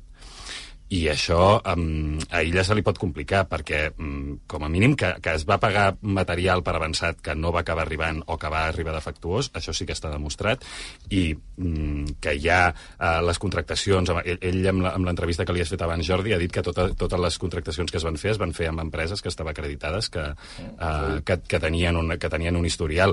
L'empresa uh, Soluciones de Gestión, que sembla un nom inventat per l'Ibáñez, del, del senyor Coldo García, eh, no és, és veritat, aquesta empresa, com abans el Joan ho ha retratat perfectament, sí, sí. l'any anterior estava inactiva, no tenia ingressos, tenia cinc treballadors i va passar a, de, va facturar 16 milions en dos mesos i va passar a 54 milions amb el temps que va estar uh, activa i després va desaparèixer del mapa. Um, Home, eh, una cosa és que, eh, estaríem parlant de que Avalos, a través del Ministeri de Foment, eh, tot s'acabés allà, no? Però tenint en compte que el govern de les Illes Balears, de qui ara és presidenta del Congrés espanyol, va contractar aquesta empresa, el govern de les Illes Canàries, de qui ara és eh, ministre de Política Ter- Territorial, Ángel Víctor Torres, també va contractar aquesta empresa, que el Ministeri de l'Interior també la va contractar, eh, algú, devia, algú devia recomanar aquesta empresa, algú la devia posar en circulació. Llavors això, mm, tard o d'hora acabarà esclatant. Per fer un apunt del que dius tu, eh, jo crec que hi ha una certa mala consciència de Francina Armengol a les Balears perquè un cop ella ja ha perdut les eleccions del mes de maig, però ja amb les eleccions perdudes, presenta una demanda contra l'empresa del Coldo perquè estan emmagatzemats en, en una nau industrial de Palma eh, no sé quants eh, centenars de milers de mascaretes i suposo que per evitar que vingui el govern a continuació del PP i, i li tregui això i li tiri per la cara ella de forma preventiva demanda a l'empresa del Coldo per dir, escolti, torni'm els diners d'això. I a més a És- més... És que se'ls torni perquè era material defectuós en aquell moment. Sí. Vull dir que no.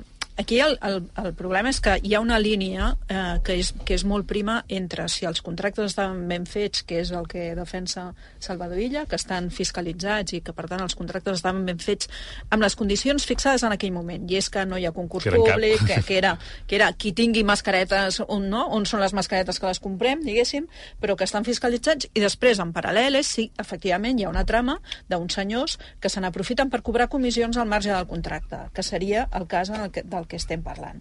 Llavors, que l'empresa passés de 0,53 milions de facturació es, es, es pot justificar per als contractes. El que no sabem són els diners que cobraven els suposats Parlem comissionistes. de, parlem de comissions. Però- però igualment- Sí, sí, els Parlem, suposats parlem, parlem de comissions. Tan sols una dada. Dels 53 milions que es van utilitzar, el que va facturar aquesta empresa, el que aquesta empresa va destinar a la compra de mascaretes Això és el era que no el sabem. 13%. O sigui, 6 milions. La resta, de 6 fins a 53, eren despeses d'estructura amb aquests 5 treballadors, per tant no gaire, i l'altre, per resumir-ho aviat, a la Em butxaca. permeteu una cosa, a banda de, la, de que estiguin tot eh, estipulat perfectament, que digui el senyor Ida que tot estava dins de la, del que era el marc, més faltaria, és a dir, que s'haguessin fet coses fora de la contractació pública que tocava.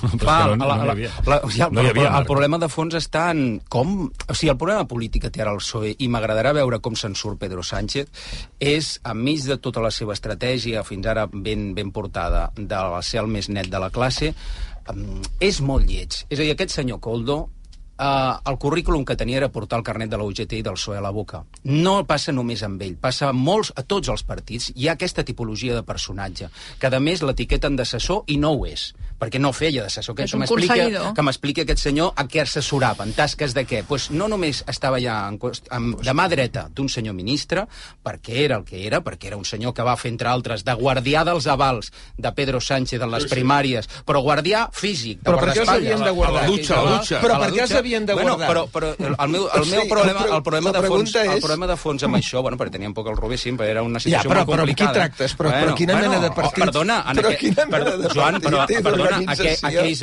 aquells anys en aquella ocasió vam veure a la calle Ferrat gent arrencant mànigues de jaquetes i de camises a altra Sí, gent, eh, però- que, ens, que ens n'hem oblidat. Per Però tant, és Una molt senyora xungo. cridant l'autoritat Però- soy yo. Però el Però molt el, el, tot exacte, el problema dramàtic de tot això és el senyor Coldo eh, García va arribar allà per això, però el que és denigrant per la classe política i el que afecta a una part de l'opinió pública molt important és que llavors es va fer milionari per això.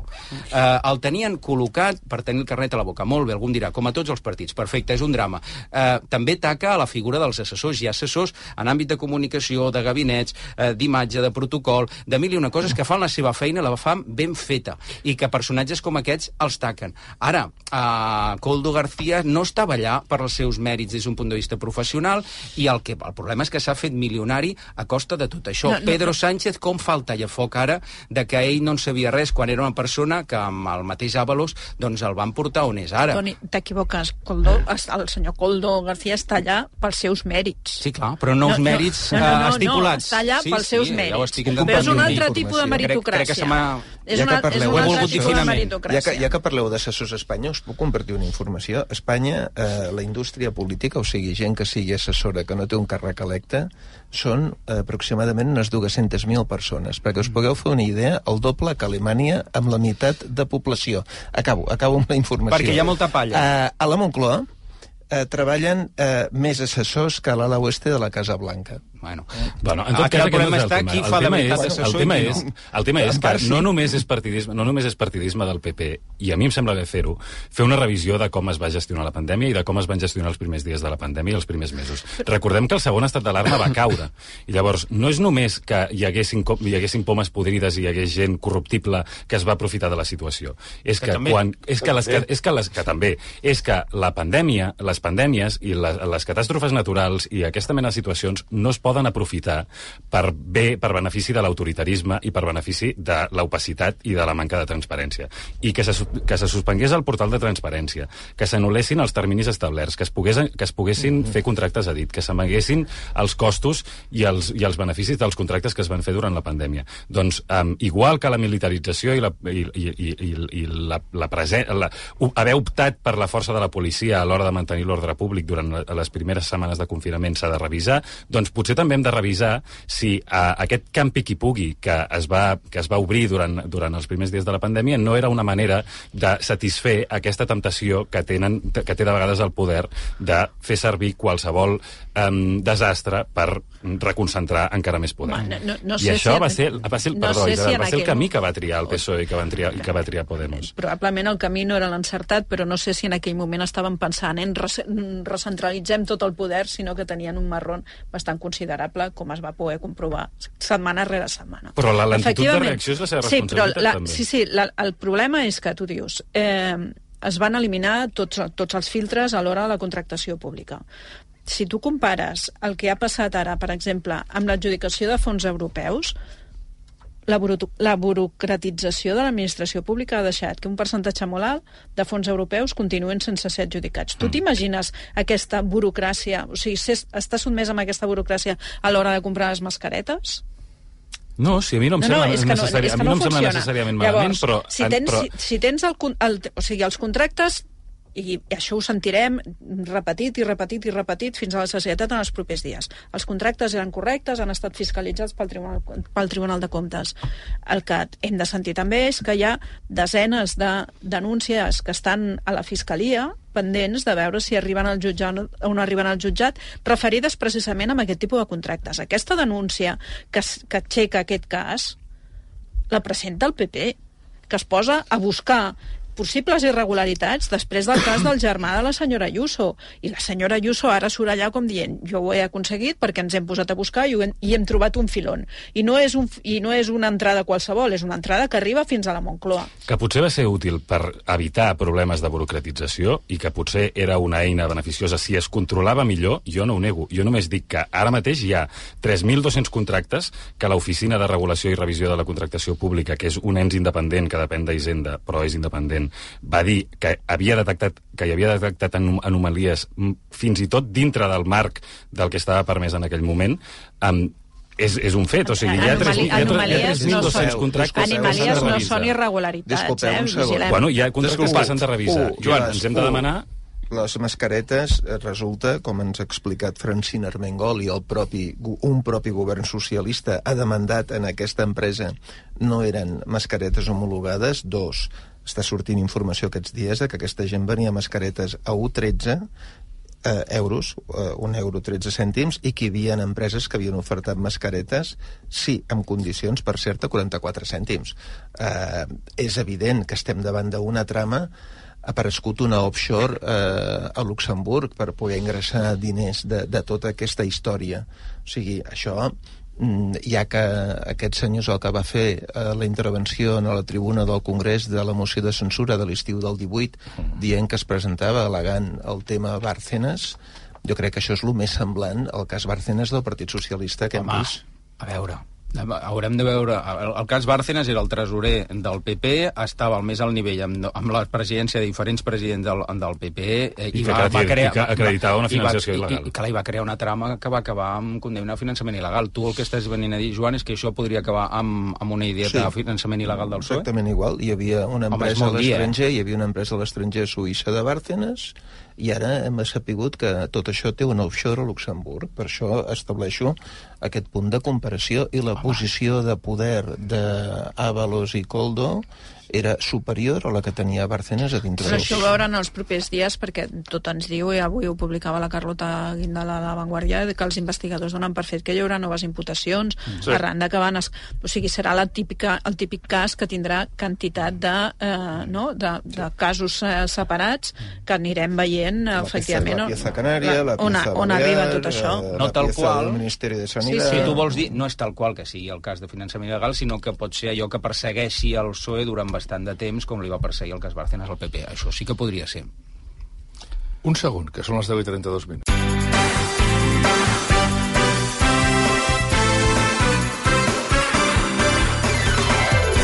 Avui, a la tertúlia, amb l'historiador i expert en comunicació, Joan López Alegre, i els periodistes Isabel García Pagán, Toni Aire i Ot Bou.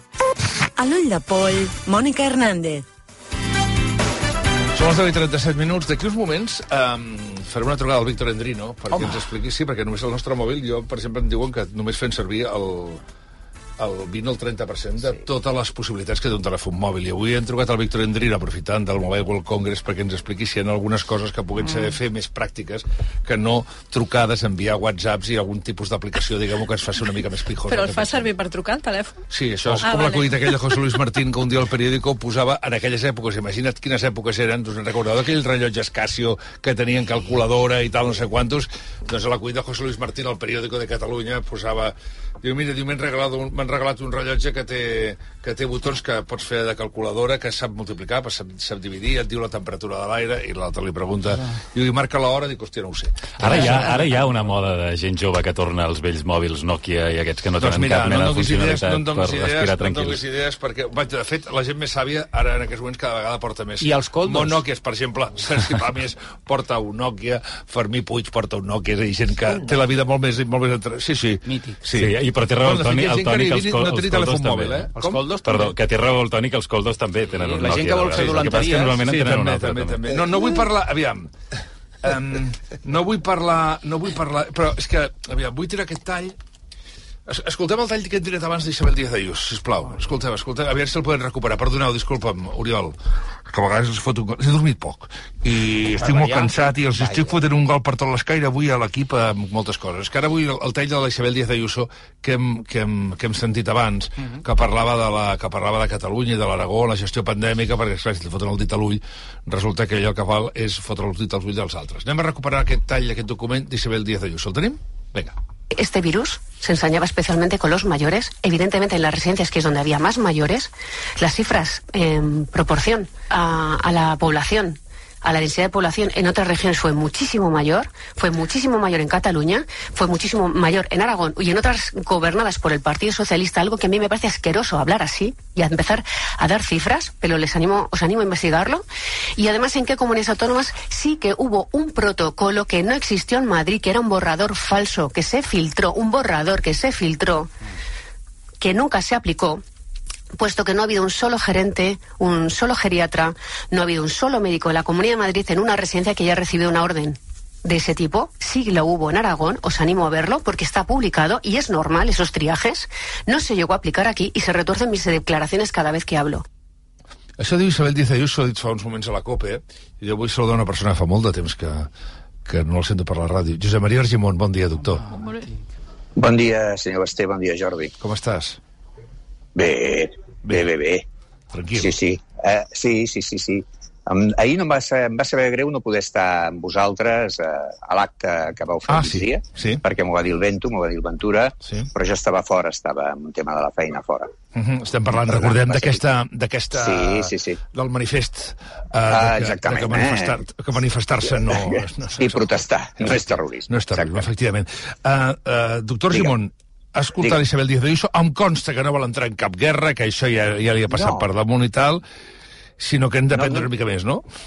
No és una qüestió d'entrar o no entrar en una guerra, primer perquè eh, jo en aquests moments tampoc estic en l'àmbit polític o directament en l'àmbit polític, però sí que el que sí m'agradaria és que si nosaltres fem, quan dic nosaltres ho dic en, en el conjunt de la societat, una revisió del que va passar, que jo crec que l'hem de fer i que s'està fent massa parcial, massa per, parxejada, eh, l'hem de fer per construir. És a dir, per què això ens tornarà a arribar? I la pregunta és, eh, si estem parlant en aquests moments de residències, quin és el model d'atenció a la gent gran que nosaltres volem? Això ho estem pensant. Parlo a Catalunya o parlo un conjunt com a societat, per exemple, o quines són les mesures que hem de prendre des del punt de vista de la salut. Perquè en aquí, i això sempre m'ho ha semblat, eh, que quan pensem en una propera pandèmia que ens arribarà, pensem només en l'àmbit sanitari, eh, d'atenció sanitària. I jo recordo un document eh, que el va treure el mes de juliol de l'any 20 el Comitè de Biòtica de Catalunya, on precisament el que deia és que preparant-se per la propera pandèmia és preparar tot el sistema, tot el sistema d'atenció social i de protecció social, tot el sistema. Perquè això és el que ens protegirà davant de, dels embats que ens arribaran. I em sembla que el que fem és massa pim-pam-pum, no? Eh, massa treure'n responsabilitats de sobre, poc anàlisi profund, i si parlem de la mortalitat, i aquí ho deixo, les dades són públiques, és la, el que se'n diu el MOMO, tradicionalment, monitorització de la mortalitat, que és un sistema internacional, tot i que les comparacions internacionals són complicades perquè la mortalitat, per exemple, en pandèmia, no tots els països es comptava igual que es feia a Catalunya o a Espanya. Val. Uh, I ja no vol entrar res més que no sigui això, perquè est estem d'acord, eh? La pregunta és si estem fent els deures. Uh, home, això no ho sé perquè no, no estic en aquests moments en el, en el fregau i no sé si estem fent els deures, però la meva pregunta és aquesta, és a dir, realment nosaltres quin sistema d'atenció parlo ara a la gent gran o des del punt de vista de salut, eh? Nosaltres volem, no?, eh, per possibles properes pandèmies o en general, que no és només un tema de pandèmia. Això sí que he dit alguna vegada. Si nosaltres, per exemple, posem unes residències amb, amb llit, perdó, amb habitació individual, no ha de ser per una pandèmia. Segurament ha de ser, segurament ha de ser perquè, bueno, perquè a tots, no? si estiguéssim en una residència, ens agradaria estar en una habitació individual, o a la majoria de gent, no tothom, però la majoria. I la següent pregunta que jo faig, i que li faig moltes vegades a la gent quan, bueno, doncs quan faig alguna xerrada, etc i parlo ara de la gent més gran, escolti, vostè on te vol estar quan, quan estigui fotut? No? Quan estigui fotut no parlo ara de salut, salut, sinó des del punt de vista de dependència. Escolti'm, a on vol estar? I la majoria de gent diu a casa. Per tant, hem de pensar hem de pensar en un sistema de protecció, un sistema d'atenció, perdó, a la gent gran que contempli molt i molt casa. I això vol dir llei de dependència. I això vol dir, i aquí sí que li puc dir, que la llei de dependència, doncs, des de fa molts anys, no es compleix. No es compleix, entre altres coses, pels incompliments de l'Estat. Mm. Això és el que jo crec que hem de pensar realment.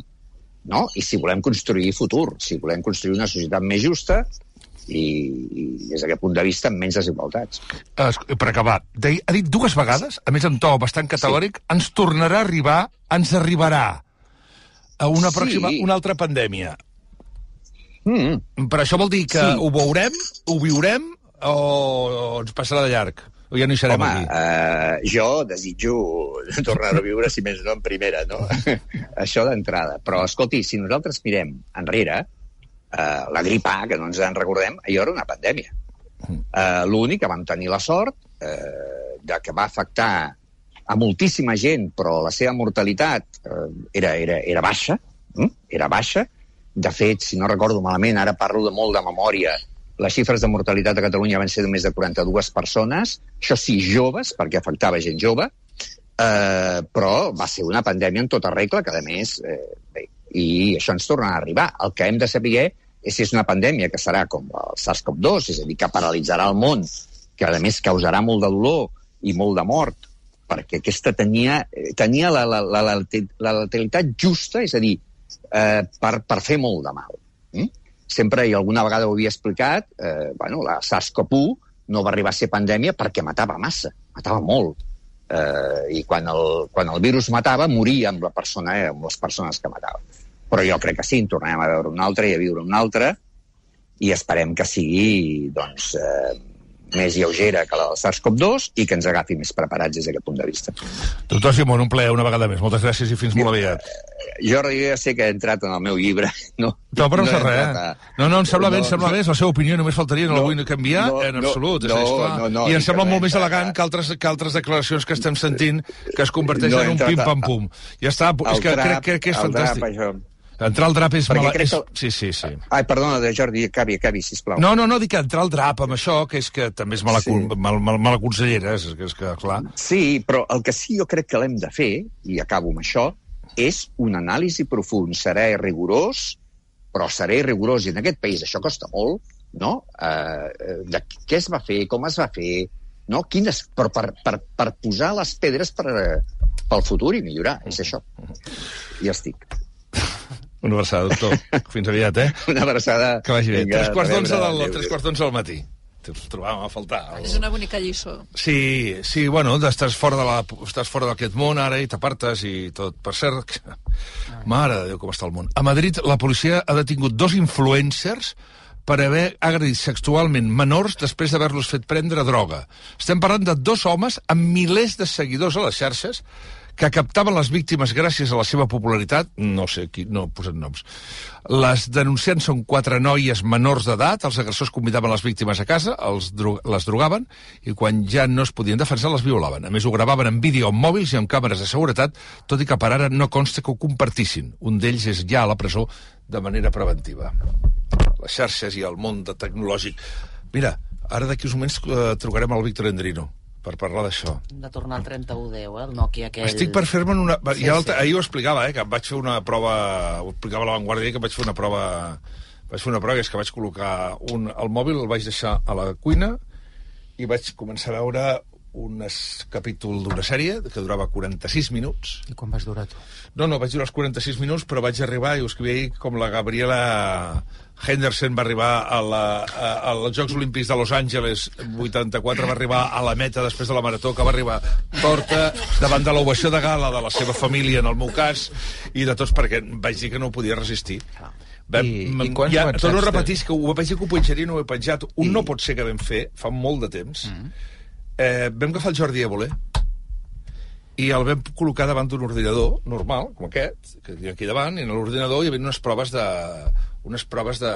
una, mena de test. Li vam col·locar el mòbil aquí al costat. I llavors, des de fora, com si una, hi havia una peixera exactament igual, li vam col·locar aquí com una mena de, de com d'aquestes faixes de pressió que posen al braç, però també vam posar uns altres, uns altres punts, i llavors això mesurava l'índex de, de la pressió sanguínia també, una mena de pressió sanguínia, i també com anaven les alteracions. Mm. Eh, vaig anar fora i el vaig trucar una vegada. Veus que mira el mòbil no el podia tocar. I llavors tornava a mirar i llavors miràvem el seu... I ella veus que ja comença a repuntar la tensió, no només arterial, sinó la física. Hi ha un moment que no parem de trucar-lo, no el paràvem de trucar. Va començar a suar. Sudoració. Va augmentar el límit, va augmentar la sudoració. I això, si ens passa a l'Évole, que és una persona jove, però que no ho és tan jove com els nostres, com el seu fill, o els nostres filles, a tot plegat, mm -hmm. què li pot passar a una criatura que, que viu permanentment aquí dins? Que viu permanentment aquí dins, si ens passa a nosaltres. Digue'm una cosa. Menja l'ot bou, que no li passa... Després no, d'aquests 46 jo minuts... Soc taquicàrdic, estaria. Sí? I tant. Després d'aquests 46 minuts, quan vas agafar el telèfon, sí. quants whatsapps tenies? Pocs perquè era tard a la nit. Pocs, Ah, vale. pocs, però si me'n vaig al cine en puc tenir molts. Ara, Clar. el que et passa és que, per exemple, hi ha gent que escriu missatges, clar, si jo, i, si jo et dic hola, bona tarda, com estàs? Hi ha gent que escriu hola, bona tarda, com estàs? Sí. Estic exagerant, eh? Però que Sí, són no, no, no exageres. I llavors hi ha grups de família, grups de la ràdio, grups de no sé què, i comences a veure i depèn de veus 36 missatges. Si a sobre juga un partit de futbol, doncs que aquí ja tothom opina, doncs exactament això és molt Però això és la dopamina, eh? Sí que és una sensació una mica decebedora. és mi em dopamina, passa que, que... és dopamina. I a més esperes i busques tens raó, el que em diràs ara. Digues, digues, digues. No, no, que a, mi, que a mi em passa això, que jo de vegades faig l'exercici de dir, ara estic una estona sense el mòbil o tal, o quan vas al cine, i, i hi ha com una mena de, de, de frustració instintiva quan veus que no tens tantes notificacions com voldries a Twitter, a Instagram, i no estàs esperant res, ni has publicat res, ni vols res, però simplement la, la, el, el mecanisme cerebral d'estar de, de, d'estar sadollat no, desapareix i, i, i, i, i, és, i és preocupant perquè veus com es reflecteix amb el- amb l'estat d'ànim, encara ho que veu- sigui per uns breus segons. Això ho veu apuntar, em sembla, no pot ser, que a més és la idea aquesta de com està estudiadíssim, generar-nos aquesta expectativa de que passi alguna cosa, de canvi, que és el que genera la dopamina, total, al final no passa res perquè no s'acaba el món, i, i us he de dir que jo crec que això són estats Tu vitals. podries estar, Toni, Toni Mira, Gaire, t'ho anava a dir, jo el cap de setmana ben bé no toco el mòbil. no toques. Aquest cap de WhatsApp, setmana... estàs Aquest cap de... desconnectat. WhatsApps, per exemple, i cada vegada menys xarxes socials. Per exemple, no sé si t'has fixat que l'Instagram cada vegada ha- la gent fa menys likes, entre altres Mm. coses, perquè ja gairebé ja no fem l'escroll d'anar amunt i No, avall. perquè i anar ja apareixen likes. coses molt Mirem rares. stories, bàsicament. Um, i, i, I ja me n'he desenganxat una mica. Al Twitter ja ni t'ho explico directament, perquè a més, bueno, visc a Twitter, però passa això. TikTok ho vaig intentar, però no sóc d'Eixemont. Uh, I, per tant, el WhatsApp, el cap de setmana, com que el relaciono molt amb feina, en desconnecto moltíssim. I jo puc fer. I el, I el que em crispa més és quan vaig al teatre o vaig al cine i veig les pantalletes emergents que, que ens delaten a tots. És a dir, que la, és veritat que cada vegada dura més tot, eh? Les pel·lis i, i el teatre, últimament, si no et baixa de dues hores i mitja, no en fan. Ja n'hi vaig jo. I, i se'ns fan... Jo sí, Jo i m'agrada, pregunto, però, jo pregunto, però no entenc no, per què no, ho no. fan tan llarg. I el que passa és que avui, com que es llarg, fa llarg tot, la gent tenim aquella tendència de no poder evitar de mirar la pantalla. Clar, però, per no exemple, jo ara estar. pregunto, tu preguntes a la redacció, vaig quedar molt flipat. Molt flipat. Jo us ho pregunto i digueu-me la veritat, perquè vaig quedar molt flipat perquè era majoria absolutíssima, eh? Mm. Si esteu mirant una pel·lícula a casa, amb la pantalla de casa, pareu el mòbil... No, no pareu el mòbil. Mireu el mòbil o no mireu el mòbil? No. No? I tant. I tant? A casa meva han establert un sistema de tortura i és que cada vegada que se sent al mòbil, un missatge o el que sigui, aturen la pel·li. Oh. oh. Però això és pitjor que la publicitat. Llavors, et, re- no, no, clar, et responsabilitzen a tu de que allò no dura 46 minuts el teu capítol, sinó que pot durar una hora i mitja. És com un partit de bàsquet. I llavors arriba un moment en què ja dius, o sigui, és allò de dius, puc fer les dues coses, mirar la pel·li i, i, i mirar el mòbil si és un missatge de feina o el que sigui. Doncs s'atura. Eh, de manera que ja arriba un moment que dius o, o deixo el mòbil o no, o no anirem a dormir. Joan? Depèn. Si estic pendent de, de quelcom, jo reconec que no sóc com Antoni, el cap de setmana sí contesto whatsapps i sí contesto mails, No, no, els contesto. eh, però i de fet menys. aquest cap de setmana ho provaré amb tu. Vale. I- no, no, si i- acabo contestant, jo sóc molt educat, el és que puc estar-me hores i hores sense mirar-lo. Però si estic pendent de que em confirmin una feina una cosa que estic fent, sí, sí, no, no. He de dir que he dit que sí molt de pressa i estic pensant que, que, que depèn del contingut, perquè puc haver mirat tres vegades un capítol del Soprano i no i acabar-lo Però, per exemple, hi de ha, una cosa, reveure sense mirar el ara, hi ha una cosa que... Hi ha una, hi ha una expressió que sembla molt d'antes, que és anar a comprar el pa. És d'antes. Eh, és d'antes, però jo vaig a comprar el pa. encara. Però és xulo anar a Eh, comprar sí, el anar a pa. comprar I el diari. Jo sí que deixo el, el, el mòbil a casa. Com vas a comprar el Sí. pa? Tu surts de casa sense el mòbil? Per anar a comprar el pa. sí, Oh, t'admiro sí, molt. Jo, sí. soc, jo, si em deixo el mòbil, torno enrere a Sí, bueno, buscar-lo. sí, avui, però sí, però sí, però, però sí, I per te- treballar I, no. I què vas amb els diners justos? Ah. No, vaig amb el mòbil també per pagar amb els Ah, però diners. llavors si portes el mòbil. És Amb la broma, tarja. És broma, és broma. És l'única, va ser amb targeta, llavors, clar. Ah. Perquè, clar, aquesta és l'altra que preguntàvem l'altre dia, si portes efectiu o no. No, molt poc. Però també, Oi. com que la, per som, animalons, som animalons d'assaig-error, també et passa que amb això de les sèries i tot plegat, jo al final he deixat el mòbil perquè em vaig fartar d'haver de tornar enrere. De les Aviam. sèries que m'agraden fins i tot. Víctor Endrino, bon dia. Hola, què tal? Molt bon dia. Bon dia. Bon dia. Tu pots estar una hora sense mirar el mòbil? Uh, sí, sempre i quan estigui distret. És a dir, quan tinc el cap que estigui en moment de que em pugui uh, recordar que tinc coses per mirar el mòbil, aleshores no, clar que no. Mm. Evidentment. I més, sobretot, si teniu aquells que tinguin un rellotge intel·ligent que t'està vibrant el canell insistentment cada vegada que reps una notificació, això encara et multiplica més l'estrès. No sé si ho heu provat. Mm. Mm. Bueno, jo és que... Eh, jo és ja... un, sense, un sin vivir, que es diu. Per cert, última hora, són, és, una, és una línia, eh? José Luis Ábalos emetrà un comunicat al llarg d'aquest matí sobre el seu futur, no se'n sap res més. Serà, serà a les, a les 24 hores i 5 minuts. Ja, exacte, 10. sí, sí. Aviam, uh, Víctor, avui preguntàvem quines coses podem fer amb el mòbil tenint en compte allò que comentaves ahir, que és que hi ha un 70 o un 80% del nostre mòbil que no en tenim ni punyetera idea de què tenim aquí dins i segurament ens agradaria molt saber-ho. Per tant, vostè mateix. Clar. Uh, mira, per exemple, començarem per una cosa que és molt bàsica, que és una cosa que hauria de saber tothom, que és el gestor de contrasenyes de Google, perquè si tu ets un desastre amb les contrasenyes, no cal que te les apuntis en un bloc de notes que te les pugui veure tothom, ni facis servir cap gestor de contrasenyes desconegut, perquè és que Google les emmagatzema totes i només tu pots accedir a la llista amb el teu compte de Google i això ho pots trobar a la configuració de Google Chrome, entre altres llocs. O sigui que és molt fàcil. Però atenció perquè hi ha una cosa molt interessant, que és que sabíeu que amb, els, amb el mòbil es poden guanyar diners? Uh, hi, hi ha diverses aplicacions, eh? però n'hi ha una, per exemple, Ui. que es diu Roamler, que eh, tu amb el mòbil et surten una sèrie de missions que pots complir. I això és com per anar a fer fotos a botigues, una cosa que es diu mystery shopping, que és per fer-te passar per un... com si fossis un client que, de, del carrer que fa una sèrie de preguntes, per fer unes comprovacions a les botigues, per anar a controlar si aquesta o aquella marca ha posat una promoció o ha posat una altra, total, que et paguen 4, 6, 10 euros per missió, vas allà, fas una sèrie de fotos i n'hi ha una pila. I jo, per cert, us he de dir que fa molts anys que la feia servir, vaig estar molts anys fent-la servir, i, i va bé, vaig fer un rècord que un dia vaig arribar a guanyar 94 euros. Aquell és el meu, és el, és el meu rècord. Sí, sí, però clar, de i avall, 94 doncs, i fent 94... No, no, i tant, i tant. Uh, i, I sí, a més a més tenen un sistema que si tu convides un amic et t'emportes un 2% del que guanya el teu amic. Bueno, aquí hi ha autèntics negocis. Uh, jo fa temps tenia un blog que es deia tuotrosueldo.com on, on recollia tota una pila de recursos per guanyar diners uh, per internet i a través del mòbil. Després, una cosa que ja vaig dir un dia en una píndola, que hi ha, hi ha aplicacions que són uh, detectors de metalls perquè, no sé, clar, ja, ja deveu saber que el, el mòbil està ple d'imants eh, i últimament els, els iPhones encara més, i això permet això permet que el mòbil pugui, pugui fer servir, es pugui fer servir per detectar objectes metàl·lics que continguin ferro. Eh? Si, si, si tu l'acostes a una nevera o a una paella d'aquestes d'inducció, segur que ho podràs comprovar. No serveix ni per joies, ni acers, ni aluminis, però metalls on s'enganxi un imant, això sí que ho pots trobar. I després, si no tens una cinta mètrica, hi ha una app, una aplicació que es diu Mesures de l'iPhone, que, que pots prendre mesures de les coses, l'alçada d'una persona, calcular distàncies, està molt bé. També n'hi ha per Android. Uh, hi ha una pila, o sigui, es poden anar, es poden anar buscant. N'hi ha una que es diu AR Measure, per Android, un equivalent a aquesta d'iPhone, AR Measure, AR Measure, pels amics, que, que, va, que va molt bé. Després, no sé si ho sabeu, però ja és oficial i, i, i es pot fer portar el carnet de conduir al mòbil.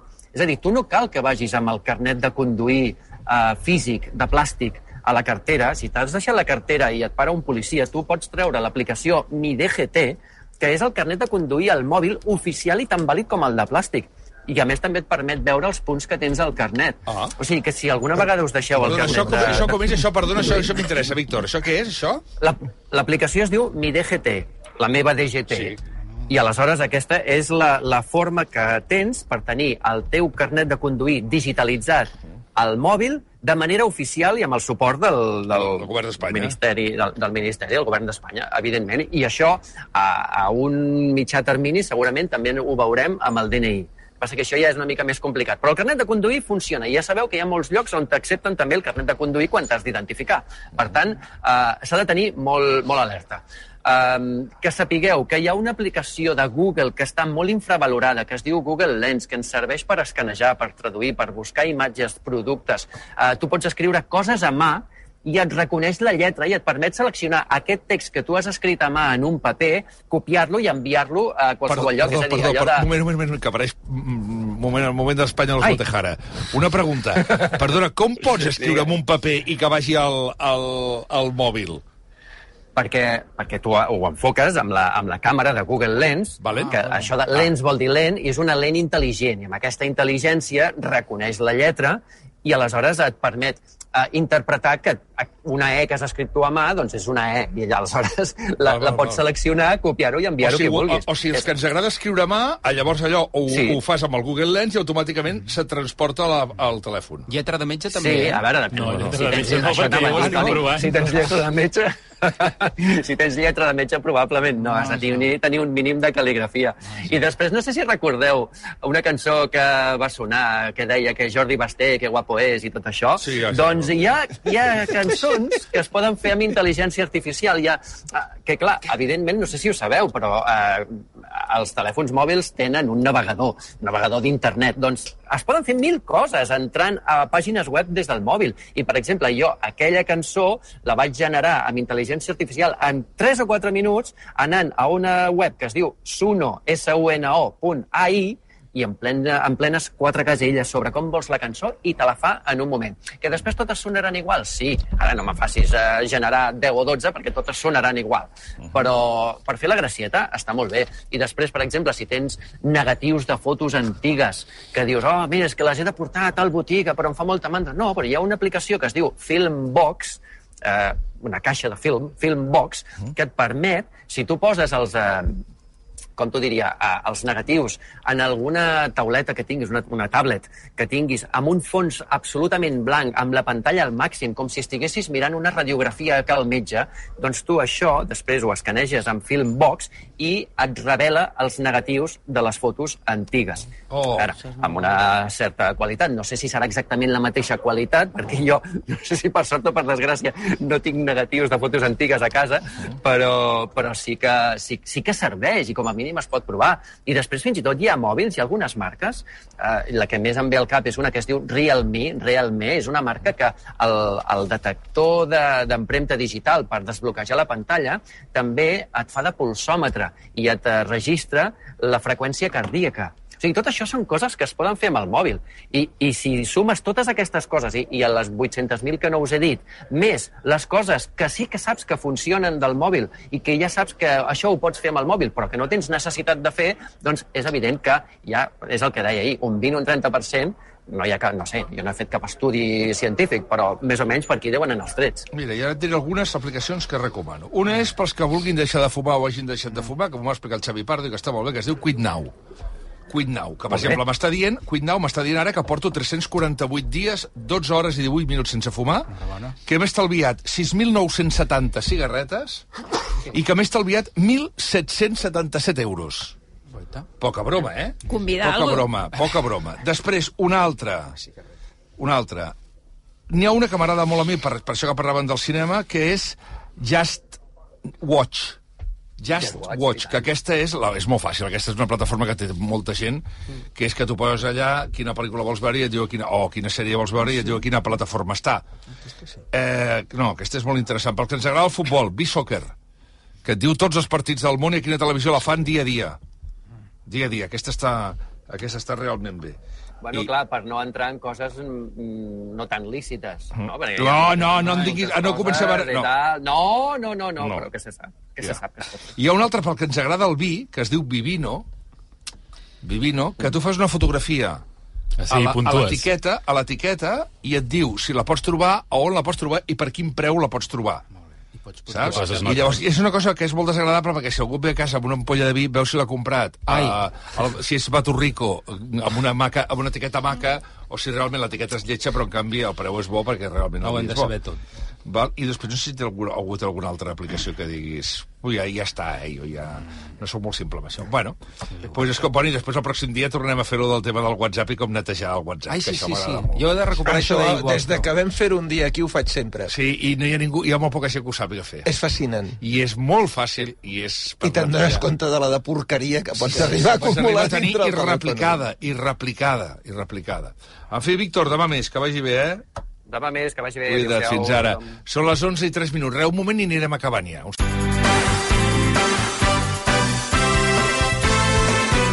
El per què de tot plegat. 11 i 5 minuts. Corre una brama. Que m'arriba... Clar, jo no, m'ho- no ho puc creure. El què? No ho puc creure. Ara A estem veure, fent els interessants. jo gairebé m'ho crec tot ja. No, no, no, no, corre una broma que, no- no, que, que diuen que, aviam si la notícia d'Avalos que se'n va al grup mixt. Doncs no t'estranyi. Tu, tu, tu, tu, tu, home, és impossible, home, Ah, no no, Jordi, No, home, impossible... mantens el impossible- l'aforament com a diputat, per si passa res, escolta. I- Impossible és un Té un concepte problema, que... té un problema, té un problema Sánchez, li fots un merder Sánchez, però Sí, maco, eh? És que aquest senyor ha sigut secretari d'organització, recordem-ho. El de ministre estava molt bé, del Ministeri amb més pressupost, però secretari d'organització ho sap tot. Si aquest senyor ha arribat a la conclusió que ell no ha de marxar perquè no mereix haver de marxar, o com a mínim no mereix haver de marxar ell i els que tenia per damunt, no, amb què el poden apretar? Al contrari, ell pot apretar amb tot. Un secretari d'organització sap la, els budells d'un Ha partit. estat el CEO de la primera empresa d'Espanya que és PSOE. No, eh, eh, sí, sí. dos coses. La, la primera, es pot fer un germà Gordó, que vull dir, que és un, senyor, és un senyor que se'n va anar al grup mixta, però després votava igualment sempre amb el seu grup polític, i dos, mantenir l'aforament Eh, jo crec que des d'un punt de vista de negoci no li surt a compte anar-se'n al grup mixta, perquè tal com és la nòmina d'un diputat, ell ja ha renunciat a ser president de comissió i això és un complement econòmic molt important. No em sé la quantia ara, però ell, això és una queixalada, no la seva nòmina. Però, si ell deixa de ser diputat, perd l'aforament. I davant de la Clar. possible investigació, possible imputació d'ell, mm. no està aforat, el deixa eh, Home, i, que té, i té un poder polític que li, per, li dona molta més força per negociar I el sobre- que sigui a nivell personal. Precisament sobre el, sobre el mal negoci que diu el Joan, recordeu, aquesta legislatura a Pedro Sánchez sí li va d'un vot. Per tant, votació a votació, aquest senyor es pot cobrar Home, que li arreglin el seu en un moment determinat. No, no, però ja corre la brama per diversos, per terra, mar i aire. Sí, sí, sí, sí. Corre la brama, el que passa que és una brama. Perquè jo, repeteixo, fins que no ho vegi, no, no, no ho creuré. Jo, que sóc molt innocent, i deia el que he dit, i ara tot, quan ho he dit a la publicitat, dic, és que jo em penso que... Mm. Jo em penso que, que això és una bestiesa, clar, un tio que és, que és, que és innocent, o sigui, innocent, que no, sé, serà, que molt, no és culpable. serà molt incòmode pel, pel Partit Socialista. Bueno, i, i el PP, el que li van fer a la Rita Barberà, quan la van ficar allà al Sí, galliner sí. del Senat, i Oh, va sí. ser molt incòmode, Rita- però allà la van Rita- tenir i va morir... Rita, quan, a Rita Barberà, a Rita Barberà se la va tractar tan malament que, mireu, explicaré una història personal. Jo me la vaig trobar poc temps abans de morir a, la, a València. I em va explicar que ella anava de Madrid, de casa seva a Madrid, amb la car perquè en el tren la gent la insultava i que els seus excompanys de, de grup no li deien ni hola ni adeu a la tribuna del Congrés. I va acabar morint sola en una habitació d'hotel just davant del Congrés. Ho dic perquè l'altra relació no és tal qual, però el senyor Avalos, tu has dit, Jordi, que és molt estrany. Quantes coses no hem vist surrealistes els últims I temps Rita en Barberà, ja que ho has tret, no va ser mai imputada amb res, no va anar mai a declarar amb res i no Ábalos? va tenir mai cap judici de res. Avalos, de moment, tampoc. 11, i per això, 11 i 8 minuts. Palante? Vinga, va, pa'lante. Vinga, Mònica. Aviam, avui que hem començat amb aquestes rodes de premsa de Salvador Illa, Laura Vilagrà, sobre aquest acord de pressupostos, deia Laura Vilagrà que era el pressupost més expansiu, més social de la història, i en Basté ha dit, hauríem de fer l'exercici de buscar les valoracions que s'han fet cada vegada del pressupost, d'un acord pressupostari, per saber si es repeteix allò del concepte social. He fet un mini exercici, Basté, no he tingut més temps. 2023, Laura Vilagrà, pressupost més ampli, no diu social. 2022, Pere Aragonès, acord històric serà de xoc. Aquí ja s'intueix el tema social. 2007, Montilla, eh, aposta clara per les polítiques socials. I l'excepció seria Artur Mas, que el 2011 va dir amb aquests pressupostos no salvem el país, però sense ells el condemnem. Per tant, en Basté tindria la raó que allò de lo social ho foten sempre.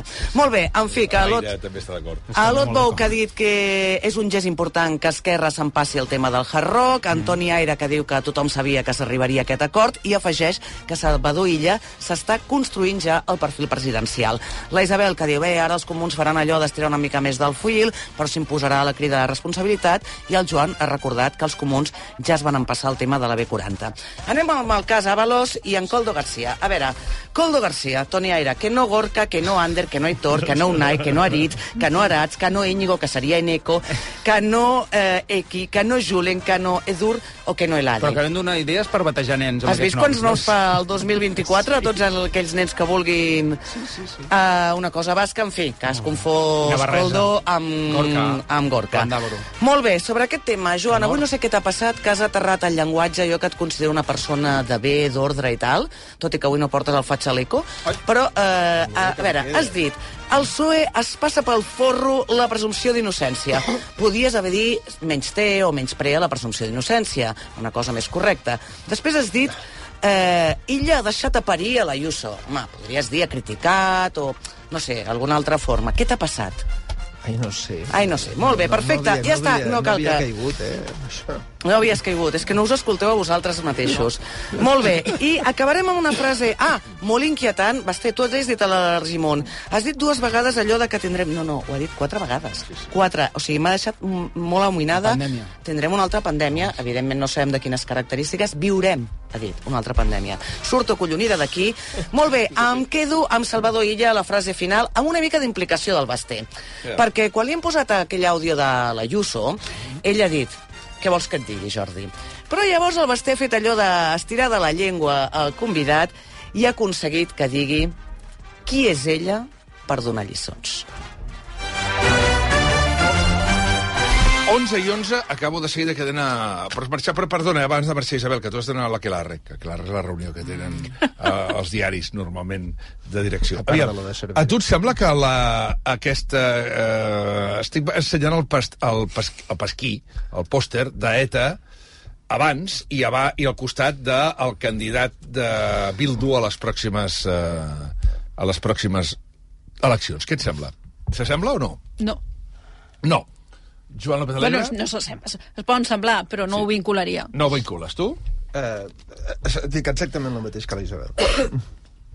Tipo, Toni Aire. A veure, jo, jo a primera vista no hi havia pensat, però si algú ha pensat, i per exemple ara ho estem comentant amb una ràdio de màxima audiència, eh, jo crec que casualitats en la vida política, poques. Ja, clar, és el que jo penso. Tu què dius, Ot? Jo tampoc crec que sigui casualitat. Jo, quan, jo, jo, és veritat que vaig veure la imatge ja amb el, amb el muntatge que havia fet el PP del, del símbol al costat, però, però, però no, em va, no vaig pensar, ostres, no té res a veure. I tu, Mònica? Igual, igual que tots. De casualitats no n'existeixen. Ah, efectivament. Són les 11 i 12. Rep, abans d'acabar, deixeu-me fer un tom per la, pel país, perquè recordeu que avui tenim, tenim mm, manifestacions dels, uh, dels pagesos, uh, i per tant anem a donar un tom. Uh, torna a ser un matí de protestes. Sí, sí. Cadena Ser, el exministro José Luis Ábalos mantendrá su escaño en el Congreso. Wow. Veus? Coses més rares havíem vist. Per tant, mantendrà su escaño en el Congreso vol dir que... Con... Bueno, clar, per això vol dir el partit de l'expulsa O el i l'envia... PSOE. O el PSOE. O el PSOE. Bueno, jo crec que pitja grup mixt. El PSOE l'expulsarà per tenir el grup mixt. Per tant, les que m'arribaven no anaven desencaminades, no, efectivament. Pues anirà el grup mixt, José Luis Ábalos. Hosti, del barco de Chanquete no nos moverán, eh? Pedro Sánchez, hola. Déu-n'hi-do, eh? Quin merder li munta el seu amic Ábalos, o el seu examic Ábalos, quina li munta a Pedro Sánchez, eh? Camí de les Basques, molt bon ambient, també. El Sí, sí, camí de les Basques, sí, sí. Esa Ai. persona de la que usted me habla...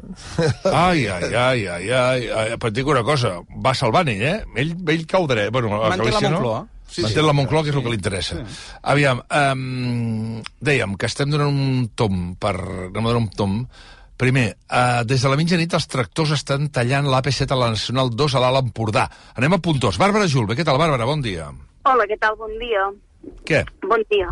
Doncs mira, eh, els pagesos en aquests moments eh, estan buidant més camions, en aquest cas de, de tomàquet cherry i de navius, i han vingut tres furgonetes del Banc dels Aliments i, uh, i estan aquí doncs, carregant tot aquest material.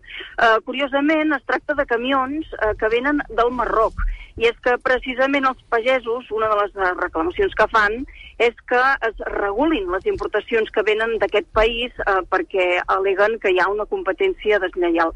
Els camions, un cop buidats, els estan deixant marxar en direcció doncs, a la Junquera. Uh, uns 900 metres més al nord, d'allà on estem ara nosaltres, que estem just aquí on estan descarregant aquests camions, doncs hi ha una altra congregació no, de pagesos, uh, una setantena, entorn a la foguera i en breu doncs, prepararan el dinar. Uh, faran, repetiran el menú de l'altre dia i cuinaran uh, arròs de pals.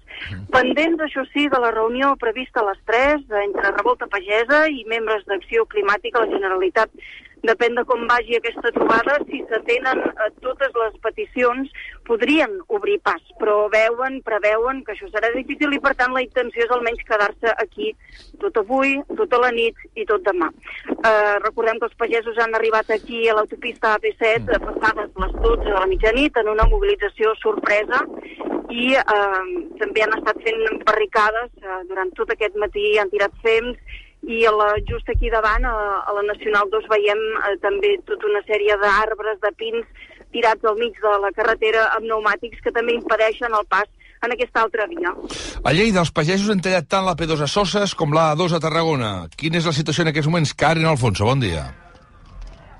Hola, bon dia. Doncs sí, a les 9 del matí han tallat l'autovia 2 a l'alçada del Carràs i tot i que els Mossos al principi no els deixaven, eh, finalment doncs, han pogut accedir a aquesta AP2 a l'alçada de Soses on em trobo ara mateix. Són unes 250 persones i 200 tractors els que es manifesten a hores d'ara en aquestes dues carreteres. La intenció doncs, és quedar-se fins al vespre i si no obtenen cap solució doncs, passar-hi aquí la nit. Ara mateix estan amuntegant pneumàtics i branques per fer eh, foc a terra i hi ha una gran fumarada que tinc ara mateix aquí davant meu eh, dels pneumàtics que estan cremant i en aquest cas, doncs, just abans, davant també s'hi troba la fàbrica La Coma de Pomes, que també els hi han donat eh, diversos palets carregats de pomes que han repartit doncs, en aquests camions i en aquesta gent que està aturada i que no es pot moure. També tenim protestes a Tarragona, davant de la seu de la Conselleria d'Acció Climàtica. A última hora, l'Esteve Giral ens espera. Hola, bon dia, Esteve.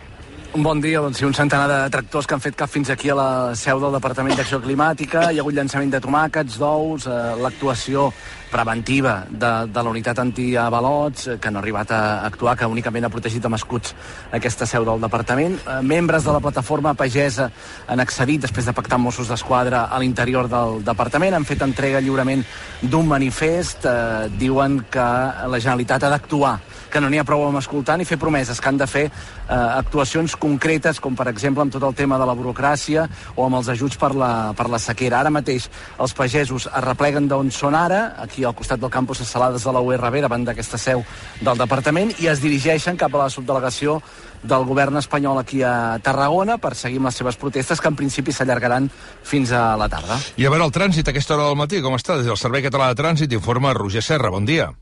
Què tal? Bon dia. Doncs, com podeu veure, són moltes les vies i principals afectades per aquestes manifestacions. Comencem a Girona, ara ho comentàveu, autopista AP7 entre Vilademuls i Borrassà, i també en aquesta zona la Nacional 2 entre Vilavalla i Bàscara es fan desviaments, en els punts de desviaments hi ha cues molt importants, de més de 6 quilòmetres, sobretot a la Nacional 2, i evidentment aquesta xarxa viària propera que no està preparada, per tant, volum de trànsit, aquestes vies cap a on desvien els vehicles, doncs també van molt carregades, però també vies del nord afectades i tallades. És el cas de la Nacional 152 a Puigcerdà, o la C38 al Coll d'Ares, ja just a la frontera.